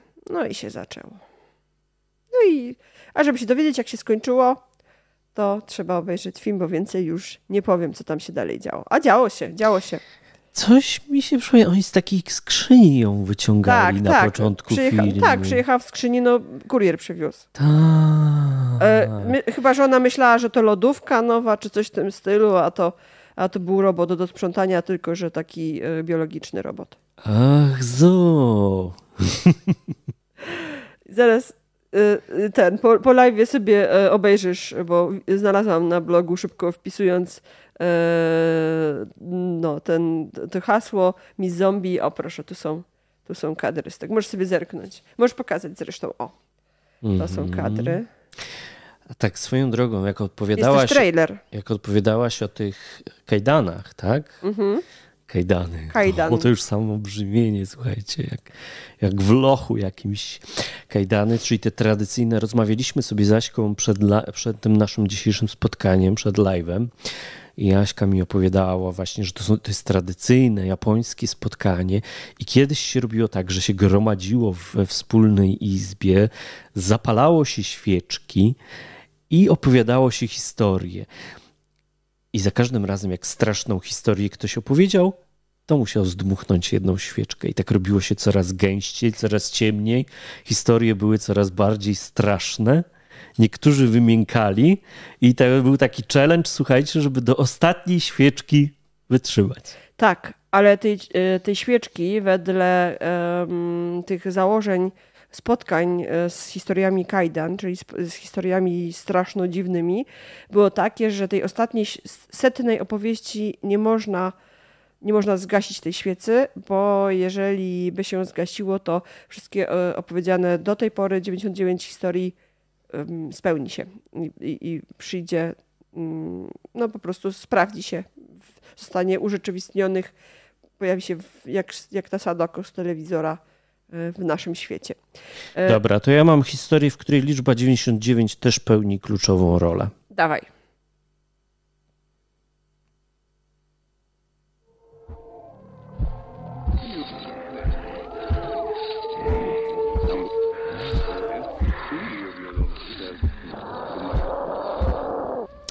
Duch konniaku Stanley. Z legend Stanley. Ta osobliwa historia pochodzi z miasta Tenri w prefekturze Nara. Na brzegach rzeki, będącej granicą między dzielnicami Kabata i Inaba, znajduje się most, który potocznie nazywany jest mostem Konniaku. Oto dlaczego. Dawno temu sprzedawcy ryżu imieniem Magobei wędrował miastem po... Dawno temu sprzedawca ryżu imieniem Magobei wędrował miastem po zmroku, aż dotarł do kamiennego mostu.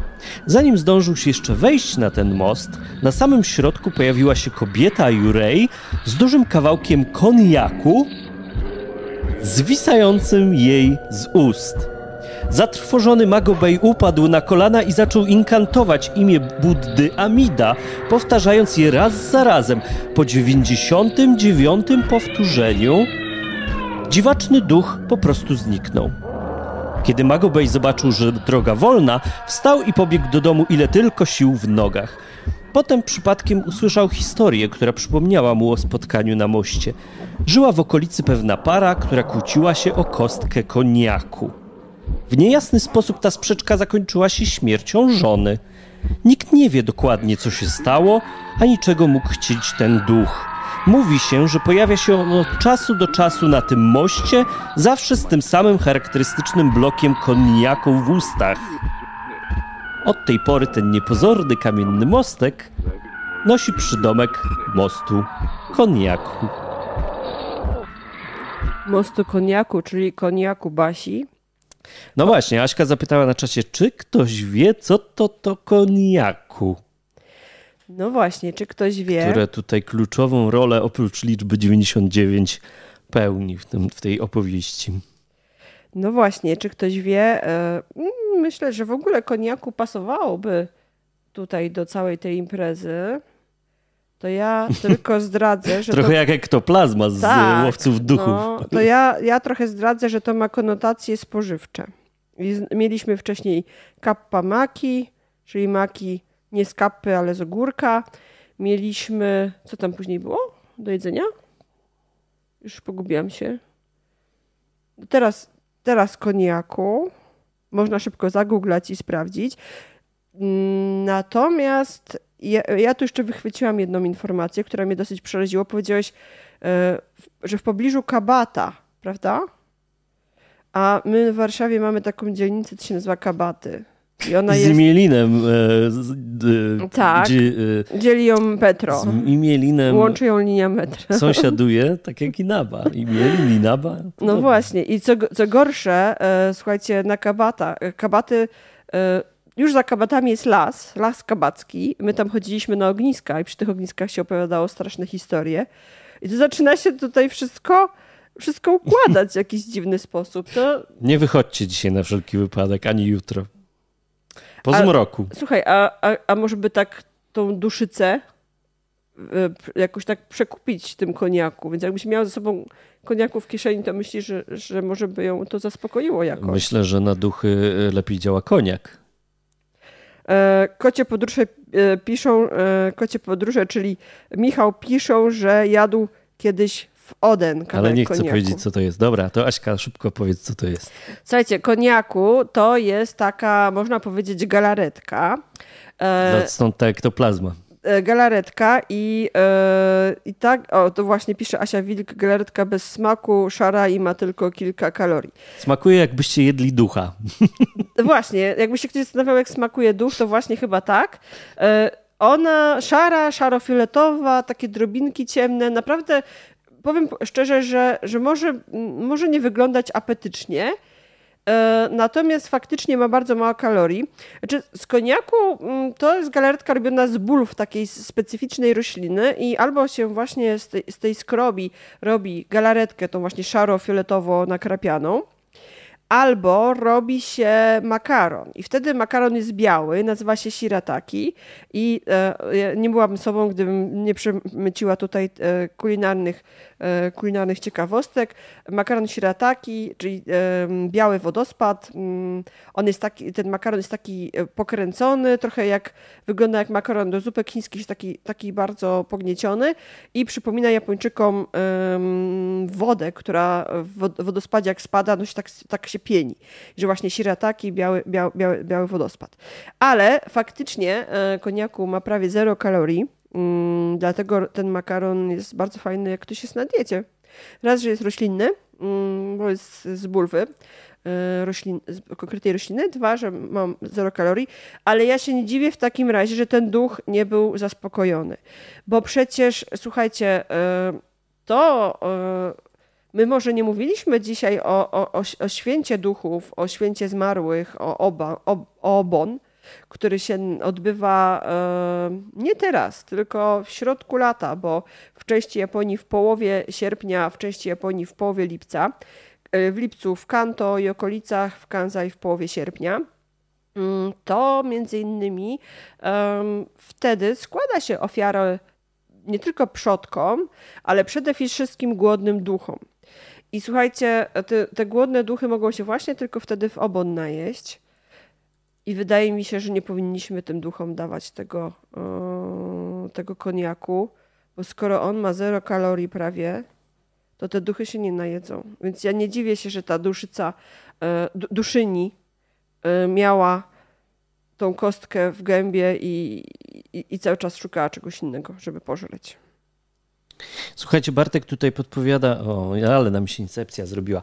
E, słuchajcie, Bartek tutaj podpowiada, że jak wam się podobają historie, to można nam e, postawić wirtualną kawę pod btth.pl ukośnik kawa.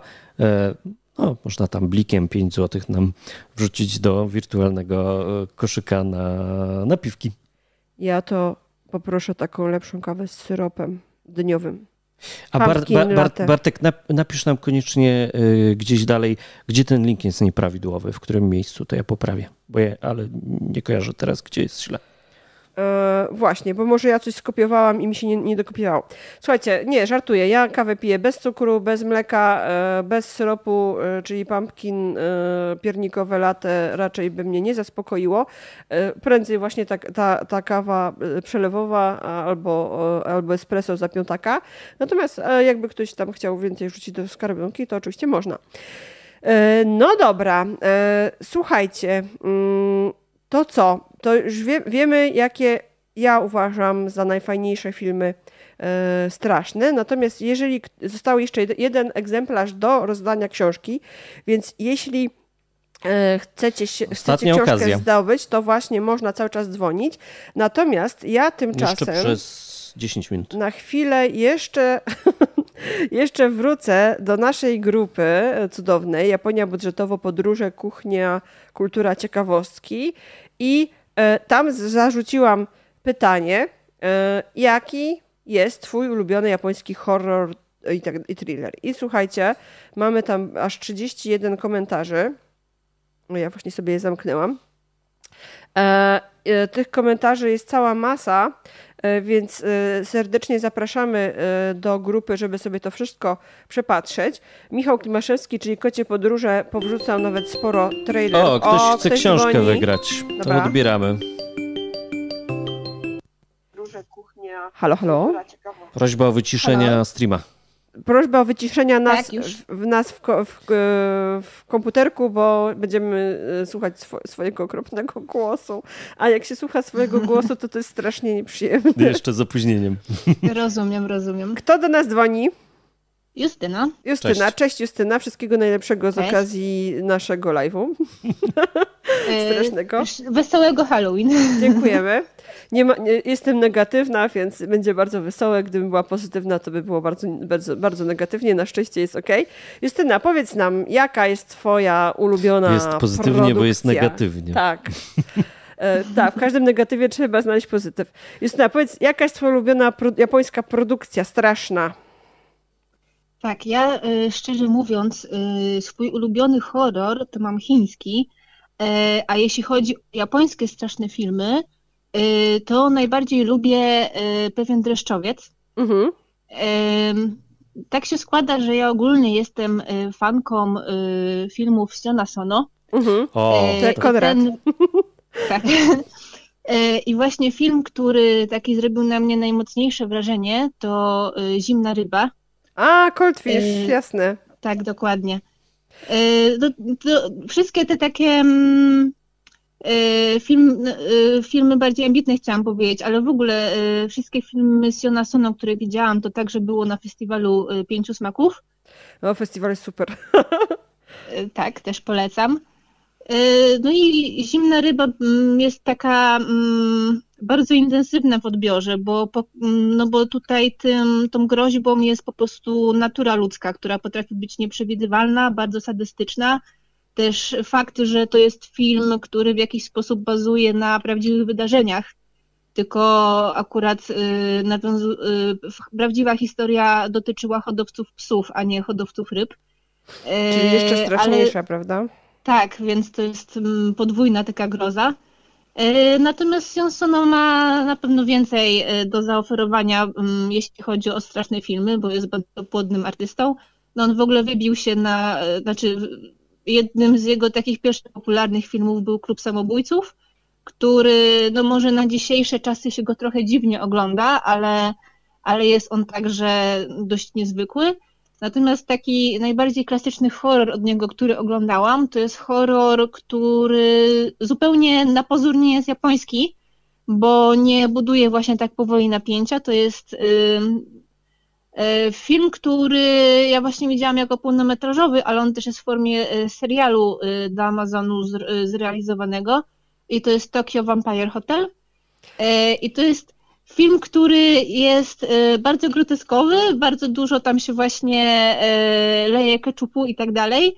Natomiast e, on był dla mnie też niezwykły, bo dla Japończyków te takie europejskie wampiry nie są aż tak popularnym tematem.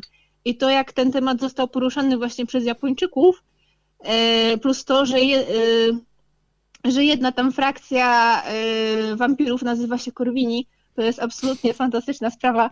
E, I, I na pewno na pewno fajnie się to ogląda jako właśnie taki e, miks kulturowy, e, gdzie są wymieszane najróżniejsze właśnie motywy i połączone z taką właśnie celowo kiczowatą, trochę robioną pod, pod anime stylistyką w niektórych scenach.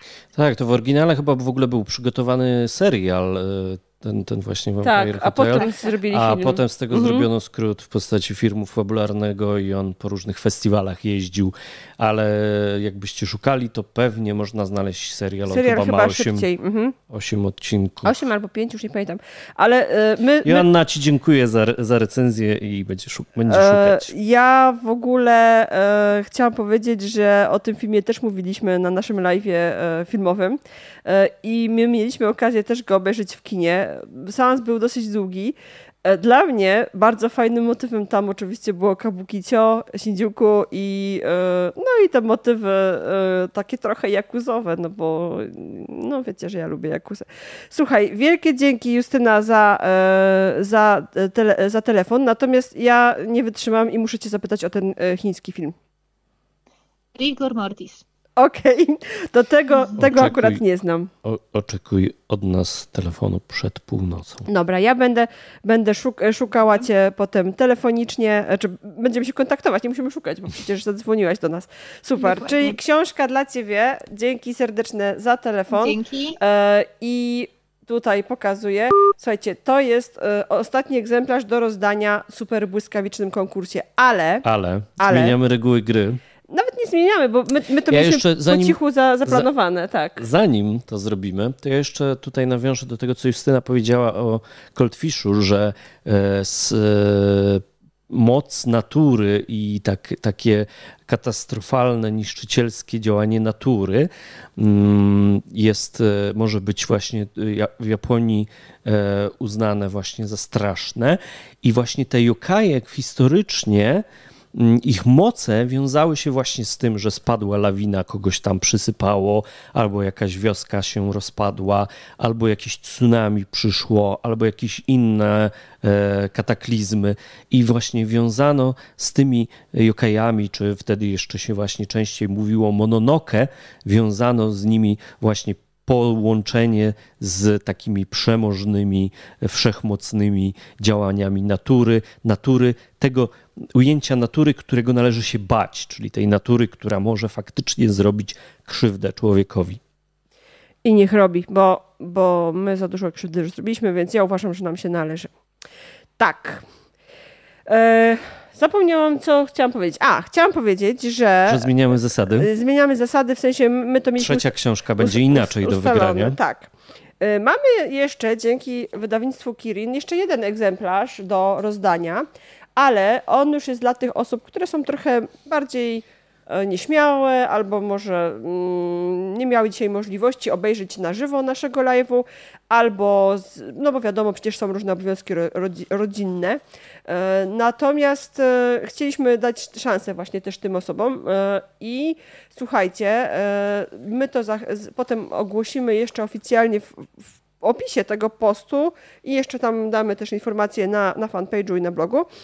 E, Pod tym naszym spotkaniem dzisiaj, jak już się ono zakończy na żywo i już nie będzie można dodawać komentarzy w czacie, e, będzie można, słuchajcie, napisać e, w komentarzu pod filmem, takim tradycyjnym komentarzu zwyczajnym, napisać właśnie, który film grozy japońskiej, najwięcej tej grozy w Was wzbudził i dlaczego. I e, spośród tych osób wybierzemy jeszcze jedną, do której książka e, powędruje. Można, macie czas na te komentarze do, e, do nie następnego, tylko jeszcze następnego piątku, czyli do piątku przed naszym piątku kolejnym 13. la- live'em. Tak, tak, dokładnie. Bo co? Bo nasze kolejne spotkanie będzie za dwa tygodnie i wypada w związku z tym w Sobotę. sobotę. I 13, nie, sobota będzie so- 13. sobota będzie 13, czyli do 12, 12 listopada włącznie. E, Więc pro, prośba do wszystkich, e, którzy mają ochotę e, zdobyć ten fajny przewodnik po nawiedzonej Japonii, nietypowe zwiedzanko, e, dowiedzieć się więcej o, o tym, jak Japończycy też odbierają te nawiedzone miejsca, e, bo ta książka ma naprawdę fajny charakter, taki, tak jak powiedziałam, trochę gawędy. Mm, Więc nie jest to, nie jest to stricte e, zbiór miejsc e, i, i, i sztywnych opisów, tylko naprawdę bardzo fajna, e, przy- przyjemna do czytania historia. I tak jak mówię, jeśli lubicie nasze, pap, naszą paplaninę, to na pewno ta książka tym bardziej się Wam spodoba, bo jest znacznie lepsza. E, więc do mm, nie tego, tylko jeszcze następnego piątku, do 12 listopada, można zostawiać w komentarzach e, swoje odpowiedzi. Można, jak się coś przypomni, to można kilka razy zostawiać e, tą odpowiedź, która najbardziej nas zaskoczy, zaciekawi. Wybierzemy najfajniejszą. Wybierzemy najfajniejszą i, i do tej osoby też się e, odbierzemy. Przy czym taka prośba, e, żebyście po pierwsze polubili ten nasz film tutaj, e, żebyście byli mimo wszystko e, sub, subskrybentem naszego kanału, a jeszcze jedna taka prośba, żebyście zajrzeli na fanpage wydawnictwo Kirin, które zawsze tak chętnie e, dzieli się z nami i z wami swoimi książkami. Ja za chwilę wrzucę link do wydawnictwa Kirin w, e, w czacie.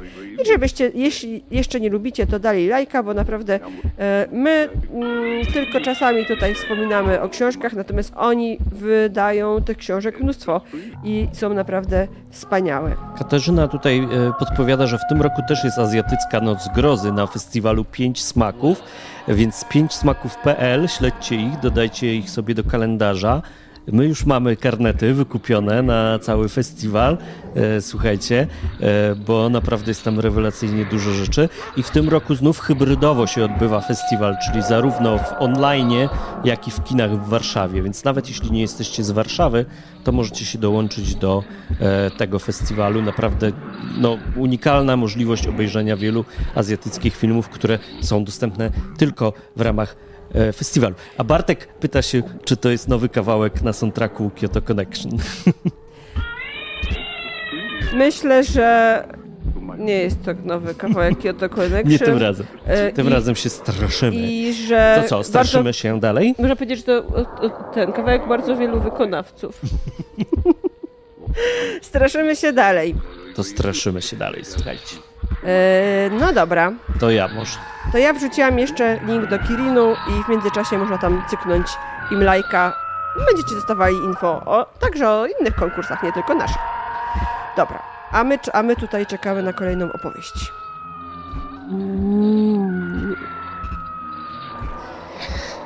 Dawno temu był sobie zniszczony parawan z portretem kobiety trzymającej tobołek z niemowlęciem.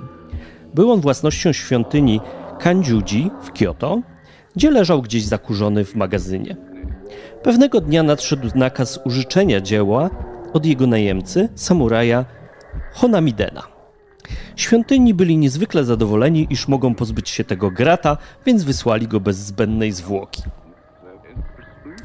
Mimo starości i zniszczenia, malowidło było przepiękne i Honamiden z dumą wystawił parawan na środku swojego domu. Od tej nocy pojawiły się we wsi pogłoski o tułaczce dziwnej kobiety, która pojawiała się w sąsiedztwie posiadłości samuraja. Była piękna i ponoć było wraz z nią dziecko. W końcu jeden ze służebnych Honamidena zaczął śledzić kobietę. Obserwował ją, kiedy wchodziła do domu i aż przetarł oczy ze zdumienia, kiedy ta zniknęła, jak tylko zbliżyła się do parawanu. Gdy tylko Honamiden usłyszał te wieści, nakazał niezwłocznie zwrócenie obrazu do Kanjidziu. Kandziudzi. Piękna sztuka to jedno, ale przecież nie może on pozwolić na przyciąganie do domu dziwnych duchów. Teraz ta sama dziwna kobieta zaczęła pojawiać się wokół świątyni. Podejrzewając, że to zły duch z obrazu, jeden z pracowników przykleił do czoła kobiety na obrazie małą białą kartkę i faktycznie tej nocy widywano zjawę, na której czole znajdował się skrawek pergaminu. Kandziudzi zwołało zatem artystów malarzy w celu zbadania tego zjawiska. W końcu jednogłośnie uradzono, że jest to praca Tosa Mitsusuki. Niezwykle ważna praca, ponieważ Tosa już wtedy nie żył. Nie było im dane jednak poznać historii tego ducha. Zgodzili się jednak, że to niegodziwe, żeby tak piękne malowidło marniało i zlecono jego restaurację. Jak tylko obraz odmalowano, duch znikł na dobre. Od tego czasu już żadne nadprzyrodzone kobiety nie pojawiają się w tym miejscu. Wow. To jest wspólny taki wątek, y, jak czytam te różne opowiadania straszne, to zauważyłem, że jest wspólny wątek tego, że zawsze nie do końca coś wiadomo, prawda? Że ktoś słyszał jakiś urywek historii, ale właściwie jakie są motywy tego ducha, albo że ktoś zginął, ale nikt nie wie dlaczego. To jest takie fajne, że te te jurei japońskie opierają się na takim niedopowiedzeniu i e, takiej tajemnicy, e, no, pochodzącej z deficytu informacji, prawda? Dzisiaj niemożliwe absolutnie, bo weszlibyśmy na Google i sprawdzili kto z kim, gdzie, dlaczego i weszli na profil facebookowy tego ducha. Albo nawet na LinkedIna, jeżeli robi to zawodowo, jeżeli straszy ludzi zawodowo. No a wtedy, prawda, niczym e, niezwykłym nie było to, że ktoś nie wiedział czegoś, nie miał kompletu informacji, albo na przykład wszyscy ludzie w wiosce e, nie wiedzieli, co się stało, dlaczego ktoś zniknął i snuli sobie właśnie domysły i historie, straszne historie. Słuchajcie, e, ja w międzyczasie mm, zagooglałam, czy faktycznie istnieje taka e, świątynia Kandziudzi i znalazłam, że istnieje. Nie jestem pewna, czy to jest ta, ale będę to jeszcze dalej... To jeszcze, czy ten malarz to, tak, istnieje. Tak, będę, będę to sprawdzać. Na wszelki wypadek wrzucam wam link do Wikipedii E, bo może też Was to zainteresuje. Jeżeli się okaże, że to jest ta świątynia, to ja tam jadę, bo już tyle świątyń tych słynnych widzieliśmy, że. Każe, każemy się wpuścić do magazynku. Tak, pokaże, po, e, potrzebujemy już faktycznie tych miejsc bardziej, bardziej ciekawych, dlatego no, z tej książki na pewno odwiedzimy wszystko, a jeszcze się okazuje, że co chwilę dopisuje jakieś nowe miejsce, a to jakaś prefektura Nigata, e, oprócz ryżu ma coś ciekawego. A, ryż był z Nigaty też, dobra. E, no niech już otwierają tą Japonię. No właśnie, słuchajcie, ale e, dochodzą słuchy, że znieśli stan ten taki, ten straszny, że niby już nie ma aż takiego w środku, wewnątrz zagrożenia, więc może już niedługo coś się będzie działo. No ale powoli też zaczynają wierzyć w nasze paszporty covidowe, więc no, no dobra. To żeby tutaj móc przejść już do opowieści pisanych, ja jeszcze chciałam popatrzeć na te tytuły, które były polecane przez członków naszej grupy. E, jak możesz, Konrad, podrzuć. Bardzo wiele podrzucił właśnie Michał e, Klimaszewski, czyli Kocie Podróże, tutaj nasze, na które też można zerknąć. Jest Kwajdan. Kwajdan, czyli inne słowo na kajdan, czyli właśnie na, na opowieści dziwne, opowieści straszne. Oni Baba, znaczy po japońsku pewnie Oni Baba, powinno się powiedzieć. E, Noroi, co tu mamy? Kairo, Michał tutaj całą masę. Uzumaki, Kakashi, Tokyo Gore, Tokyo Gore Police, nie, to ja muszę wyjrzeć. House, jakiś, jakiś e, tytuł który, o duchach, gdzie jest dom, to ja nie oglądam tego. Nie, nie ma siły. E, Kuroneko Original Theatrical Trailer. I to, na to się już bardzo, bardzo się napoliłam. Evil Dead Trap, zresztą na to pole, polekowałam już. E, Evil Dead Trap, no i oczywiście Ring, Dark Water i seria Duon. E, dalej, e, Jan Witek polecił Ikari, San Domeno Satsujin e, i też podrzucił linki do trailerów. E, Piotr Brzezicki e, stwierdził, że dla niego przeraźliwym doświadczeniem, wręcz horrorem, to jest praktycznie każde anime, które ekranizuje Netflix. I tu też musiałam się podłączyć. Ale to bo... są głównie koreańskie. Nie, przypomnij sobie to anime, co żeśmy na tak na nie czekali, które miało być. E, Zatopienie Japonii? Japonii? Japonii, tak. Albo nie, no w ogóle nie. Japo... Nie, nie. E, nie, nie. Zgadzam się, tak. Ale oczywiście to nie do końca o to pytaliśmy.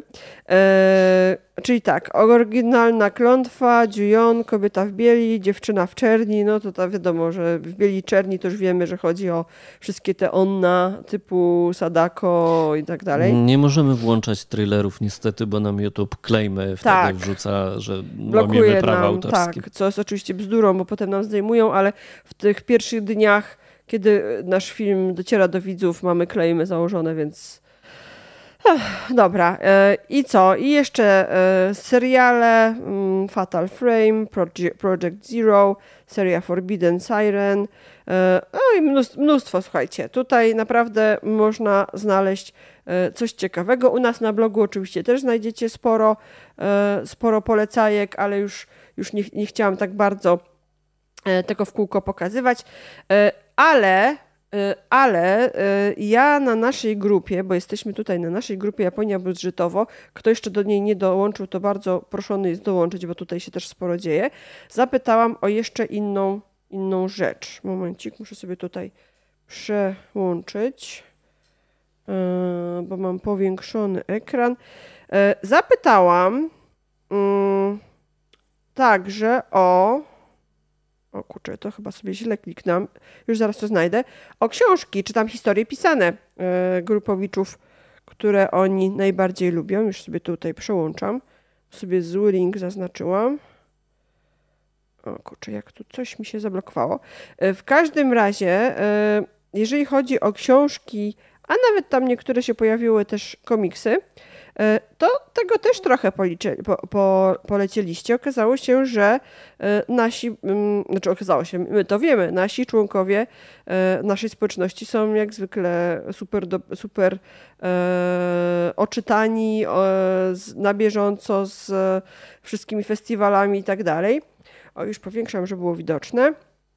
No i jeżeli chodzi o najstraszniejszą japońską książkę lub opowieść, to na przykład Adrianna mówi, że Black Fairy Tale Ots, Otsuiciego e, mm, i stwierdziła, a myślę, że możemy zaufać jej opinii, bo w końcu e, to ona stoi za tym naszym dob- wspaniałym wydawnictwem Kirin, powiedziała, że oprócz Ringu Su- Suzukiego jeszcze wielu e, rasowych horrorów na polskim rynku brakuje.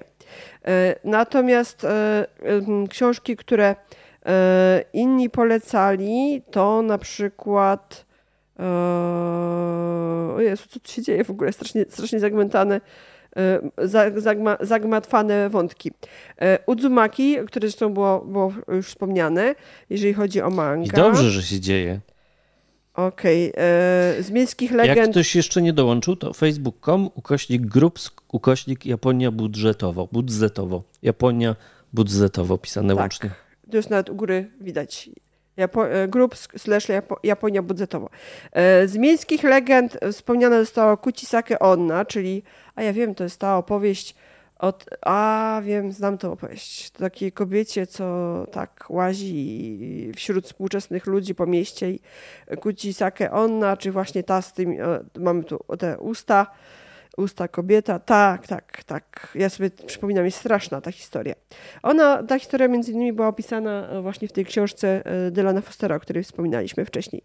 E, różne antologie opowiadań z dreszczykiem, mm, Juji Ito, znowu Uzumaki, 10 tomów kolekcji jego horrorów, Edogawa Rampo, więc cała masa tutaj polecajek. Natomiast to często są rzeczywiście bardzo straszne historie. Natomiast e, ja wiem, że nie wszyscy z Was lubią takie strasznie krwawe e, opowieści, strasznie krwawe filmy, e, czyli że ten Takashi Miike nie zawsze każdemu podejdzie, że Nakashima czy Sionsono, które też, ma, też mają różne takie sytuacje dosyć trudne, każdym podpasuje, ale dla takich osób, które lubią coś thrillerowatego, ale bardziej miękkiego i przyjemnego, to mam jeszcze do polecenia jedną, jedną pozycję. Słuchajcie, to też jest książka, która dopiero co praktycznie weszła na, e, na rynek. E, jest to jedno z, jedno z naszych też ulubionych wydawnictw, zresztą e, zwłaszcza ta seria, w której ta książka została wydana, czyli seria z Żurawiem, wydawnictwo Uniwersytetu Jagiellońskiego, wydawnictwo, czy podwydawnictwo Bowiem. Z tej, z tej serii już Wam przecież opowiadaliśmy o wielu książkach, bo i o kocie, który spadł z nieba, e, i te historie o tym diable, który kazał usuwać rzeczy ze świata, e, a, czyli no, kazał też usunąć koty, co by było, gdyby ze świata zniknęły koty. Więc cała masa różnych książek. To, to jest najnowsza postać tej serii. Mm, seria z żurawiem to nie tylko japońskie pozycje, ale, e, ale oczywiście nas te japońskie najbardziej e, interesują. I słuchajcie, ta książka Kobieta w fioletowej spódnicy autorstwa Natsuko Ima, Imamura. E, pisarki, mm, mimo że mm, nagrodzonej, bo za tą książkę dostała nagrodę Akutagały, czyli bardzo poważaną nagrodę literacką, którą często dostają mm, debiutanci. Mm, wie, wiele książek debiutanckich było właśnie jakby zgłoszonych do konkursu i tam dostrzeżonych. Natomiast ta autorka, e, ona jest już dosyć dojrzała, jest mniej więcej w moim wieku, wydała już parę książek i, i te książki były nagradzane już różnymi e, nagrodami. Natomiast dzięki temu, że to jest kobieta dojrzała, to do mnie ta książka maksymalnie trafiła. Jakoś ten jej sposób opowiadania historii, nawiązywania do wspomnień z dzieciństwa, e, wszystko to dla mnie było bardzo oczywiste i przyjemne, więc jeżeli też jesteście e, pokoleniem e, urodzonym na początku lat 80., to myślę, że wszystko tutaj, wszystkie odniesienia, wszystkie dygresje złapiecie w lot, mimo że nie chowaliście się w Japonii. Nie chcę za dużo zdradzać, ale chodzi o to, że jest sobie kobieta, która bardzo często chodzi w fioletowej spódnicy. Jest takim trochę, można powiedzieć, osiedlowym samotnikiem, E, wszyscy ją kojarzą, e, także z tego właśnie e, specyficznego stroju. Nikt z nią nie rozmawia, bo ona dosyć tak dziarskim krokiem przemierza okolice najbliższe, nikt do niej nie podchodzi. Dzieciaki trochę się z niej nabijają, trochę jej dokuczają w parku. W parku ma, słuchajcie, swoją własną ławkę, tylko do własnego wykorzystania nikt nie śmie tam podejść. I skąd my to wszystko wiemy, te szczegóły o niej, a mianowicie wiemy to, z notatek jej, można powiedzieć, sąsiadki, która zaczęła ją podglądać, zaczęła ją śledzić. Zaczęła ją śledzić yy, najpierw tak przyjacielsko i te, te anegdotki, które opowiadała, można powiedzieć, że to takie a, śmiechy, chichy o sąsiadce, ale słuchajcie, w pewnym momencie te jej informacje zaczęły być zbyt szczegółowe, bo podawała, o której godzinie wyszła z pracy, w którym dniu pracowała, kiedy miała wolne, kiedy nie pracowała, kiedy wyszła po drożdżówkę, e, kiedy jadła tą drożdżówkę. E, więc zaczyna, się to, zaczyna to wyglądać bardzo obsesyjnie. I słuchajcie, e, ta kobieta, którą, obsu, która ją obserwuje, która sama siebie nazywa kobietą w żółtym kardiganie, tak chyba chciała być drugą kobietą fioletowej spódnicy, ale że chodzi w żółtym kardiganie, no to tak się nazwała. Słuchajcie, zaczęła tak kombinować, podsuwać katalogi z ogłoszeniami o, o pracę, że wmanewrowała tą, tą fioletową do tego, żeby się zatrudniła w jej hotelu y, jako pokojówka i tam już mogła ją podglądać praktycznie non-stop.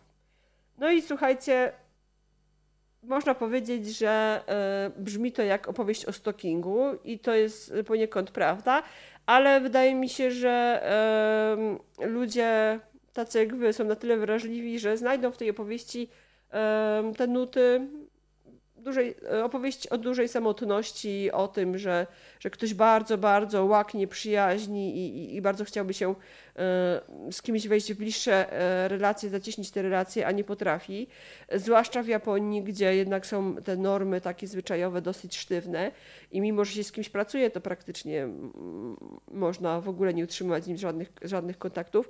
Słuchajcie, mnie ta książka wciągnęła bardzo, byłam bardzo ciekawa, jak to się skończy, czy one się zaprzyjaźnią, czy one się znienawidzą. Zakończenie mnie absolutnie zaskoczyło. Nie zdradzę oczywiście nic. E, książeczka jest e, dosyć krótka, więc myślę, że na e, dwa, trzy wieczory, a niektórym to na jeden wystarczy. Natomiast zaskoczyło mnie absolutnie zakończenie i, i myślę, że Wam też się by spodobała. Więc taki lekki thriller psychologiczny, bardzo polecam tym osobom, które być może są za wrażliwe na hor krwawe horrory i e, opowieści o romansach z zombie. E, czyli dla Ludki, bo Ludka pisała na czasie parę razy, że ona nie może takich filmów oglądać. E, możecie przy okazji zgadnąć, jaki jest ulubiony kolor Aśki, może mm, kolczyki albo mikrofon, mikrofon, mikrofon, mogą być jakąś tutaj podpowiedzią. A na naszym liczniku pojawił się nowy subek 529, więc ktokolwiek kliknął nam subka, to bardzo dziękujemy. Arigato. Słuchajcie, ja dzisiaj chciałam założyć... Ha, dziękuję.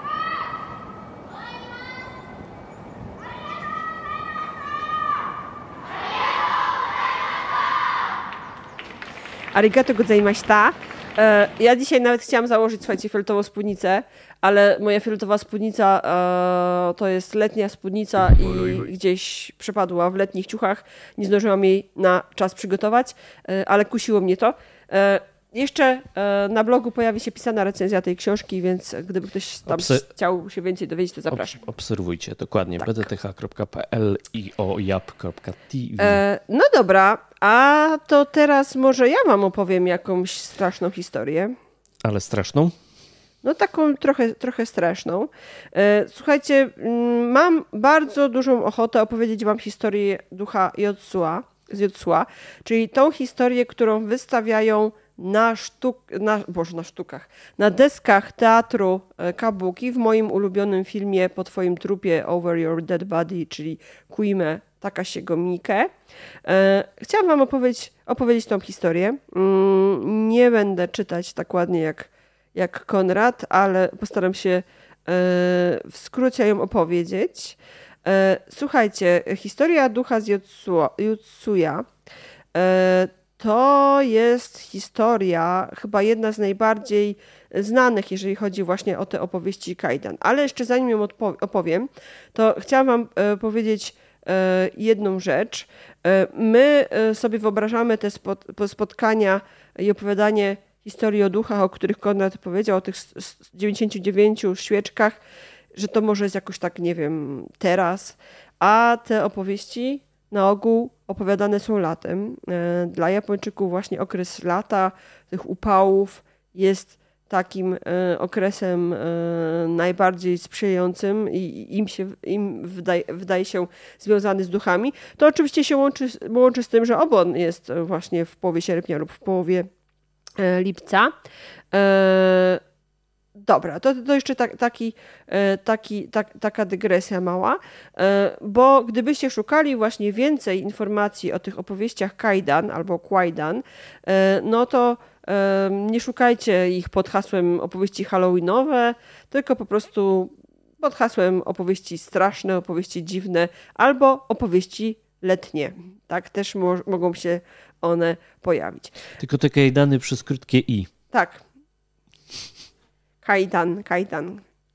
E, Okej, okay. i e, Yotsu, Yotsuya Kaidan, czyli opowieść o duchu z Yotsui, e, to jest opowieść e, poniekąd miłosna, ale tragiczna. E, mianowicie mm, był sobie, mm, był sobie, fat, było sobie małżeństwo e, Oiła i Jemon.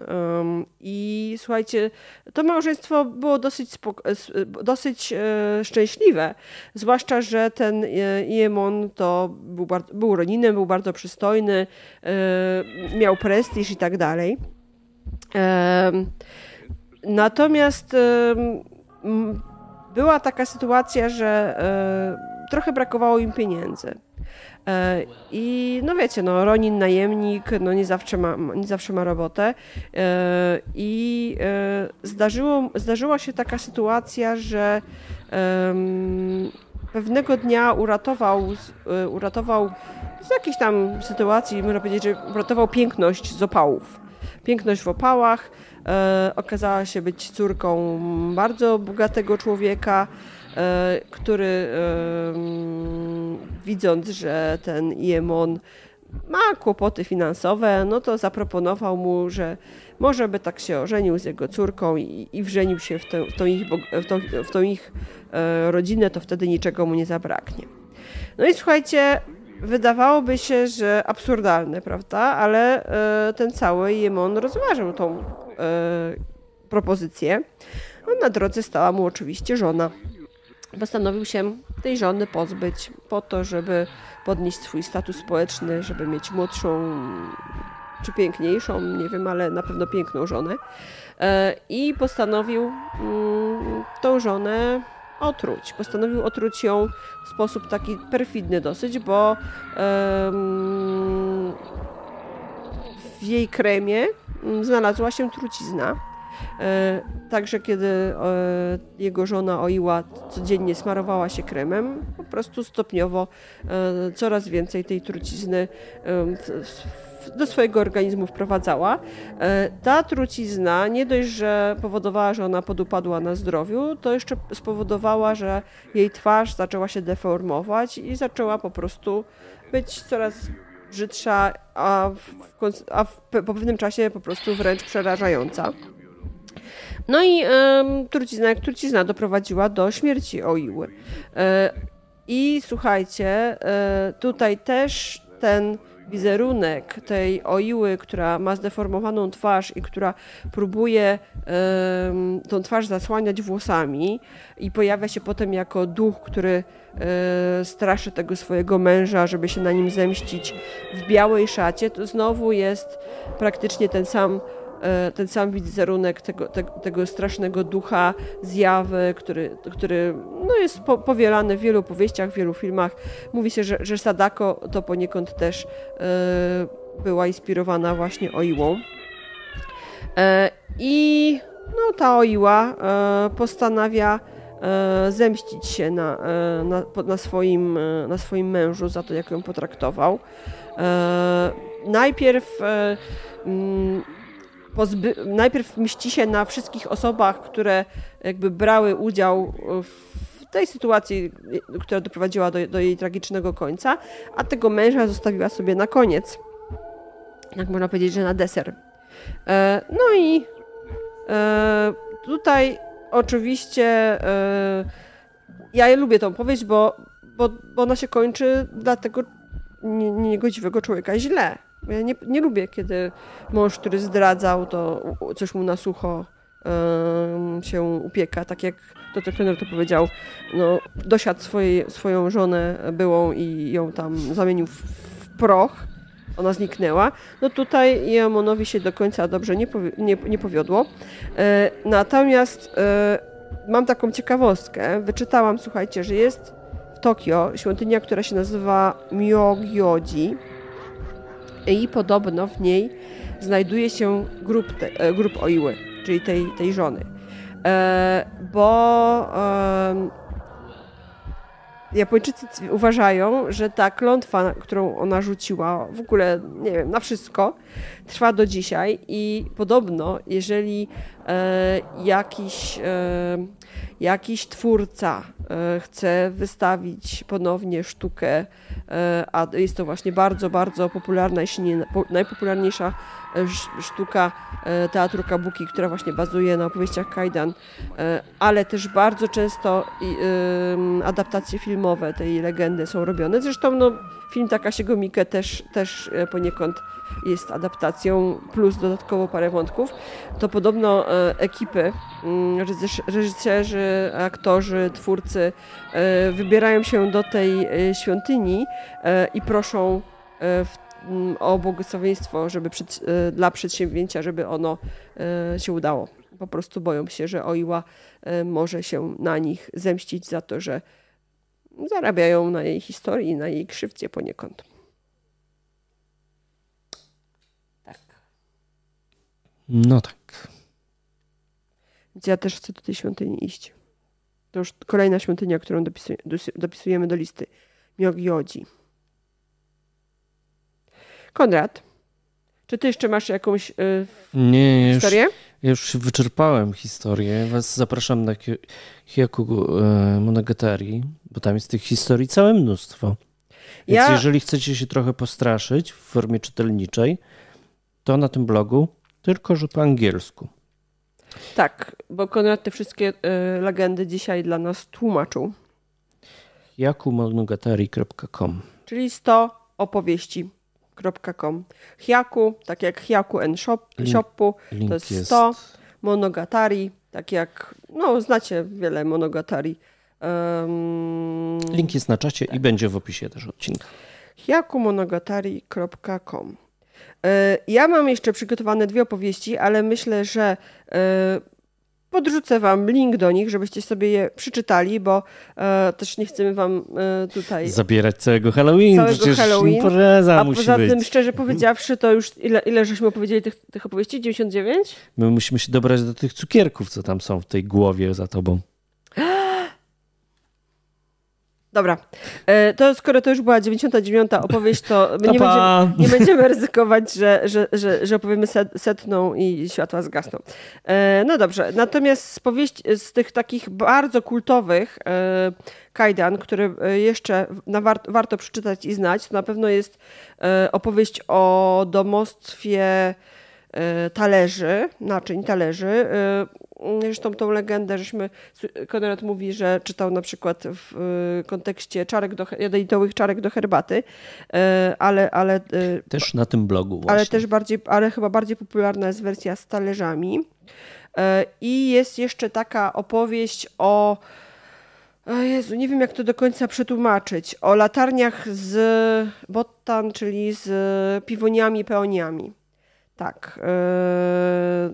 I e, to też jest dosyć, dosyć taka miłosna, miłosna historia, znaczy miłosna, ale kończy się strasznie, więc e, ta, te mm, piwoniowe, pełniowe latarnie i domostwo dziesięciu talerzy polecamy poszukać tekstu, a jak nie, to może ja też podrzucę, a może, może też przetłumaczę na polski te opowieści, tak żeby, żeby swoimi słowami wam je opowiedzieć. Myślę, że mogłabym to zrobić. No dobra, ale my jeszcze na dzisiaj przygotowaliśmy parę ciekawostek, takich, żeby już troszeczkę Was rozweselić, bo myślę, że to, co do tej pory opowiadaliśmy, było strasznie straszne. E, I przejdźmy może do tego takiego. Miściu Masiu? Miściu Masiu. E, jeszcze nie mamy dżingla. No już, właśnie. Ale już mamy nazwę. Tak, ale, ale, ale będzie. Więc mogę puścić intro.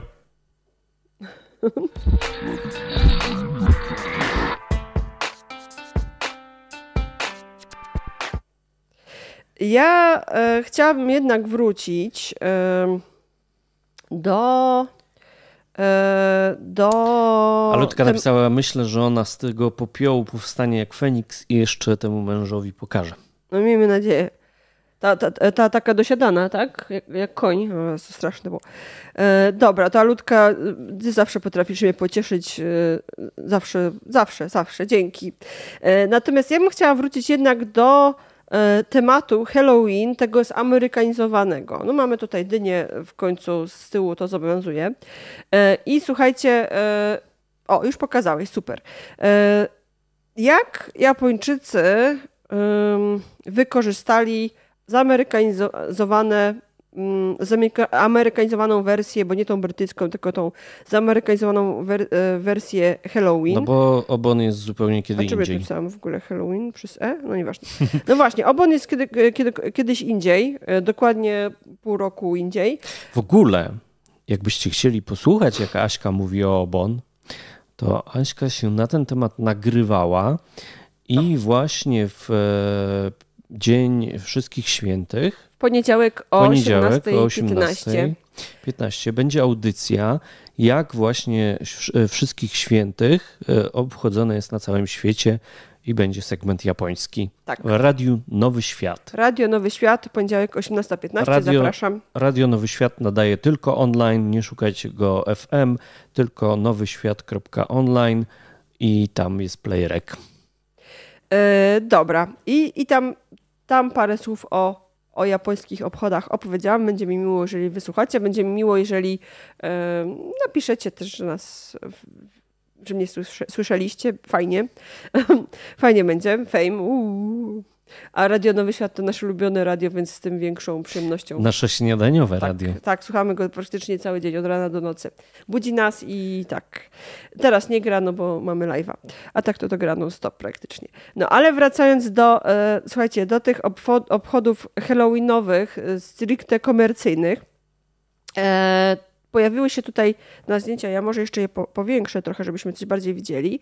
Zdjęcia z Shibui. Słuchajcie, e, w Japonii, e, w, zwłaszcza w Tokio, Oni trochę przesadzają. tak, organizowane są nieoficjalne imprezy uliczne. Ale to tak na pełnej bombie, jak widzicie. W Ale jak nie Polsce- widzicie, W Polsce to sobie przysz, wyobraźcie. przyszły, przyszły, przyszły, przyszły straże i by tych wszystkich ludzi chyba wsadzili do radiowozów i wywieźli. Na szczęście to nie jest, e, nie jest Polska.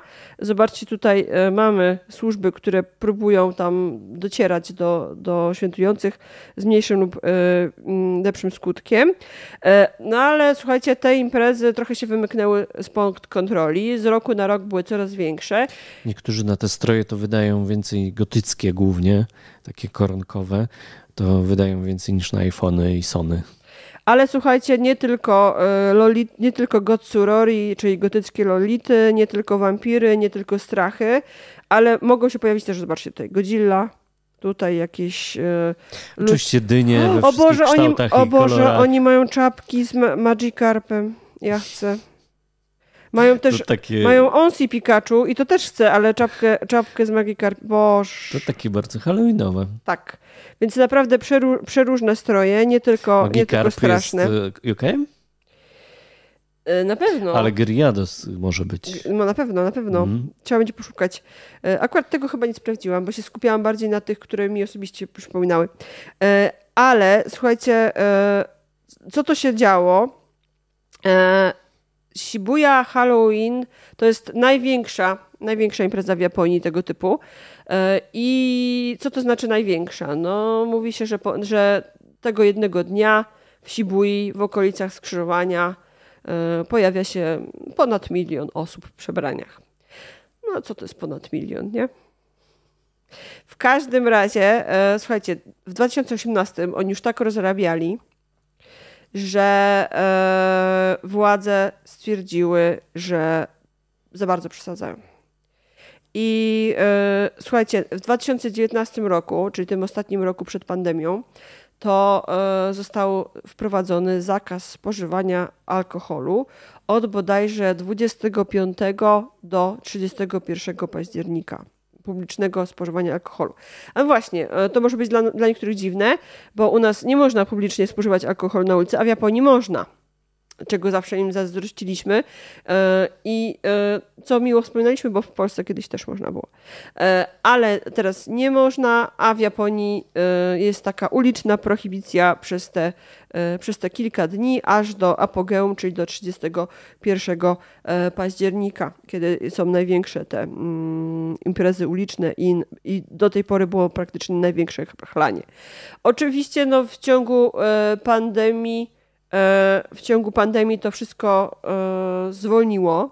E, rozmawiałam z moją koleżanką z Japonii, która mówi, że w Shibuya praktycznie mało kto się teraz pokazuje w przebraniach, że zupełnie, zupełnie to wszystko się tak no, rozeszło. Myślę, że na Halloween mimo wszystko będzie coś się działo, ale to już nie, będą, nie będzie w milionach liczone, bo wiadomo jednak jednak, e, jednak jest pandemia.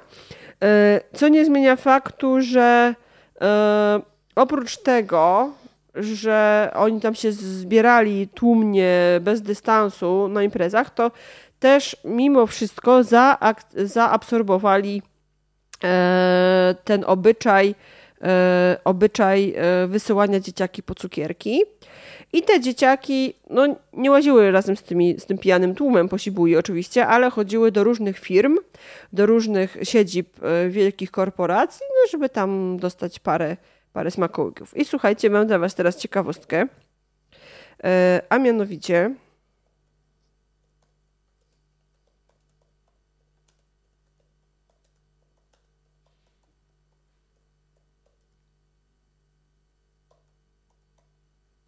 Już momencik, otwieram sobie artykuł. E, dobra. E, ok. E, jest artykuł, w którym, słuchajcie, okazuje się, że Jakuza nie może dawać dzieciom cukierków. Oficjalnie w zeszłym roku. Mm, znaczy, Chyba, że tak, przebiorą się za dynię. W zeszłym roku zakazano Jakuzie częstowania dzieci cukierkami. Ale co to znaczy, że Jakuza, e, że Jakuza częstowała dzieci cukierkami? No tak jak powiedziałam, no dzieci chodziły do różnych korporacji po cukierki i dzieci chodziły do głównej siedziby Jakuzy w Osace, do ich budynku po cukierki. No i e, rząd stwierdził, że to jednak jest nie w porządku, że woleliby, żeby dzieci nie miały kontaktów wprost z Jakuzami. No i oficjalnie rząd zakazał. Może e, mniej wychodziło tak. niż wchodziło. A, a, może dostawali, wiesz, może, może, nie wiem, nawiązywali nic współpracy, na przykład, ej, słuchaj, stary, jak będziesz już w połowie liceum, to tam wpadnij do nas, no. Słuchaj, nie, no mnie, mnie to zabiło po prostu, tak. Rząd musiał zakazać tego, żeby dzieci nie chodziły do Jakuzy po cukierki. Więc e, u nas e, wszystkie dzieci chyba wiedzą, że od obcych się nie bierze cukierków, e, a tym bardziej od jakichś złoczyńców, ale no, no ale no, comment. E, poproszę jingle. Parim, parim. Badumpsz? Badumpsz. Czekaj, muszę zobaczyć. Nie pamiętam, jaki on ma kolor. Jest. No dobra. E, więc to taka, e, taka dodatkowa ciekawostka. Konrad, ty masz jeszcze jakieś ciekawostki? E, patrzam na czat. E, Janna tylko pisze, że nie może nam kupić kawy, bo tylko pol z polskich kont bankowych i z Blika to działa. Nie no. ma tam opcji karta kredytowa. E, Joanna można przysłać kartkę na święta. Tak. Z UK. Albo, spoza Unii Europejskiej. Albo kawę w formie fizycznej. Właśnie. Prawie się, już prawie się udało, ale niestety się nie udało bo Asia była w Polsce i prawie, prawie żeśmy się spotkały. Ale liczę, że następnym razem to już na pewno. Więc liczę na tą kawę. No i co? I tak jak obserwuję czat, to z ciekawostek mam jeszcze informację, że Alutka ma żółtą bluzę dzisiaj. Ale tą Pikachu? No bardzo możliwe, że jest z uszami i oczami. E, no dobra, słuchajcie. E, dobra, to w takim razie, czy są jakieś pytania nie Halloweenowe? Jeżeli tak, to możemy na nie teraz odpowiedzieć. E, natomiast... Ja myślę, że już dobieramy się do tych cukierków powoli. Powoli, tak. Natomiast jeśli jeszcze jakieś są pytania, które wam przyszły do głowy zupełnie, zupełnie dziwaczne, to to jest dobry moment, żeby je zadać. Jak nie, no to poświęcamy, polecamy poświęcić się teraz mm, oglądaniu trailerów, filmów i wybranie sobie do nas listy przyszedł, na, na 31. No. Do nas przyszedł czarny kot i robi tutaj przed nami przewrotki. Szkoda, że tego nie widzicie, ale jest totalnie poza kamerą. Ale turla nam się tutaj z boku na bok po wszystkich tych kablach od kamer, które mamy porozkładane na podłodze. No dobrze, to ja jeszcze na koniec pozwolę sobie zareklamować nasz poprzedni live z zeszłego roku, live Halloweenowy, y, bo powiedziałam, że E, mieliśmy coś wspomnieć jeszcze o anime, nie? Mhm. E, I słuchajcie, mam tutaj notatki, o czym ciekawym można wysłuchać w naszym live poprzednim. A mianowicie tam naszym gościem był Przemek i Przemek polecał, słuchajcie, filmy anime mm, i seriale anime, w których mm, pojawia się bardzo wyraźnie temat, temat yokai. I oczywiście Pewnie świetnie znacie Księżniczkę Mononoke, Spirited Away, Shopy w natarciu, o którym wspominałam. E, te, te filmy znacie, natomiast w, e, podczas naszego live'u w rozmowie na żywo Przemek polecał m.in. jeszcze Księgę Przyjaciół Natsume, czyli Natsume Jujincho. E, polecał mangę i anime Noragami, i to jest taka manga, w której większy nacisk jest kładziony na, tak, na wierzenia shintoistyczne. E, a w tej e, Księdze Przyjaciół Natsume to tam cała masa różnych yokai. E, polecał jeszcze pełnometrażowy, około godzinny film Nura Rise of the Yokai Clan. Polecał także Hota, Hota Ruby no Murie. No i rozmawialiśmy też o filmie, który my też polecamy i polecaliśmy, czyli o Paprice, Paprika Satoshiego Kone. I w tej audycji też Przemek mówi, gdzie te filmy można obejrzeć, gdzie ich szukać. E, nie będziemy za dużo zdradzać, żebyście, żebyście mieli pretekst, żeby tam pójść. Więc jak ktoś nie idzie na imprezę, to może przewinąć tak. się do zeszłego sezonu i tam jest odcineczek, który się nazywa chyba po prostu Halloween. A on się nazywał e, Halloween plus, plus pakowanie, pakowanie, bo tak. dużo żeśmy tam mówili jeszcze o e, pakowaniu, jak się spakować, no bo przecież te nasze pierwsze live'y to, to w nadziei, że do były Japonii bardzo mocno nastawione, że już za trzy miesiące kupujemy bilet i lecimy, że to tylko tymczasowe. E, natomiast e, jak się potoczyło, to sami wiecie. Ja dalej uważam, że za trzy miesiące będzie można polecieć. I słuchajcie, powiem Wam szczerze, dzisiaj kupiłam nam bilety na wyjazd do Azji. Nie do Japonii akurat, ale do innego kraju, w którym jeszcze nie byliśmy. Znaczy, do dwóch krajów, bo do takiego, co byliśmy i do takiego, co kot nam zjada kable. E, słuchajcie. Obawiam się, że twoja kamera zaraz zmieni tak, lokalizację jak, na poziomą. Jakby, jakby nagle straciło sygnał, to znaczy, że kot przegryzł mój kabel, więc ja będę się rzucała ratować kota. E, Póki co trzyma go w łapach. E, więc Próbuje nas steroryzować na kocie chrupki. Za, za nas wszystkich, za was wszystkich zaginam rzeczywistość, Kupiłam dzisiaj wyjazd do Azji na jesień przyszłego roku, ale liczę, że się odbędzie. E, oczywiście w, liczę, że w międzyczasie e, pojedziemy też do Japonii, e, a może nawet i na Tajwan. To, tego nie odpuszczam. Urlop jest, jest odkładany. Tak czy inaczej, trzymam kciuki za to, żeby to było już niedługo, słuchajcie. No tak, jeżeli komuś mimo wszystko. Co będzie za dwa tygodnie? Za dwa tygodnie będzie wreszcie ten wy, wyczekany live o jedzeniu na Okinawie. I cholera, miałam zrobić już wydarzenie, żeby dziś, żebyście teraz mogli się na nie zapisać. Będzie I oczywiście jutro. nie zrobiłam go, ponieważ. Albo pojutrze. Szukałam fioletowej spódnicy. Niebawem. E, więc za dwa tygodnie słuchajcie live o japońskiej kuchni e, odmiana Okinawa, e, Okinawa będziemy... Jezu, ty mnie ciągle prądem kopisz, tu się w ogóle dzieją jakieś straszne rzeczy. Albo to, może to duch może jakiś. Ja tu jakieś już mnie ciarki Tam Jurej z zaoparcia wygląda. E, Dorobimy go w post. Elektryczny, elektryczny yokai. Pewnie podobny jest do któregoś Pokemona elektrycznego. E, no, więc za dwa tygodnie, słuchajcie, wyczekany przez nas i mam nadzieję, że przez was e, odcinek o, o jedzeniu na Okinawie. a do tego ogłosimy też zwycięzcę tego konkursu na wskazanie i zarekomendowanie najfajniejszego, najstraszniejszego, najdziwniejszego, naj, najbardziej przerażającego filmu grozy w postaci komentarza pod tym filmem. Nadal mamy mniej osób oglądających na YouTubie niż mieliśmy na Facebooku, ale na Facebooka nie wracamy, nie wybieramy się tam nie. z powrotem, bo tu na YouTubie jest nam dużo lepiej i dużo e, bezawaryjniej to działa. Po prostu my włączamy kamerę, włączamy mikrofony i do was gadamy, a to działa i tak. się nie wywala. I żadne duchy nie, nie, nie, nie psują. Więc y, ponieważ nadal mamy mniej osób na YouTubie niż byliśmy wcześniej na Facebooku, to dawajcie znać y, znajomym, Ściągajcie którzy znajomych.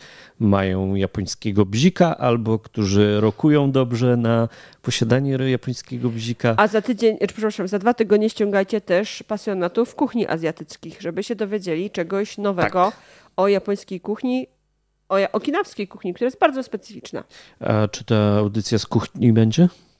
Yy, brałam pod uwagę, jeżeli mi się uda dostać pewien składnik, to będzie być może krótki, krótki pokaz. Jeżeli mi się nie uda, to, to daj będzie... mi znać wcześniej, żebym kamery poustawiał w dobrym miejscu. Yy, ja już to sobie przemyślałam. Przemyślałam sobie to, mam Tam. pomysł. Jeżeli się, jeżeli się e, uda, oczywiście, bo to zależy od składników, a, a ten składnik nie wiem, czy się. No, zobaczymy. Ale tak czy e, Czyli inaczej... za dwa tygodnie też będzie niespodzianka. Będzie niespodzianka lub nie będzie niespodzianki. Znaczy taka albo inna. Mhm. Dobra, to słuchajcie. Y bardzo miło nam było dzisiaj opowiedzieć te wszystkie różne e, straszne historie.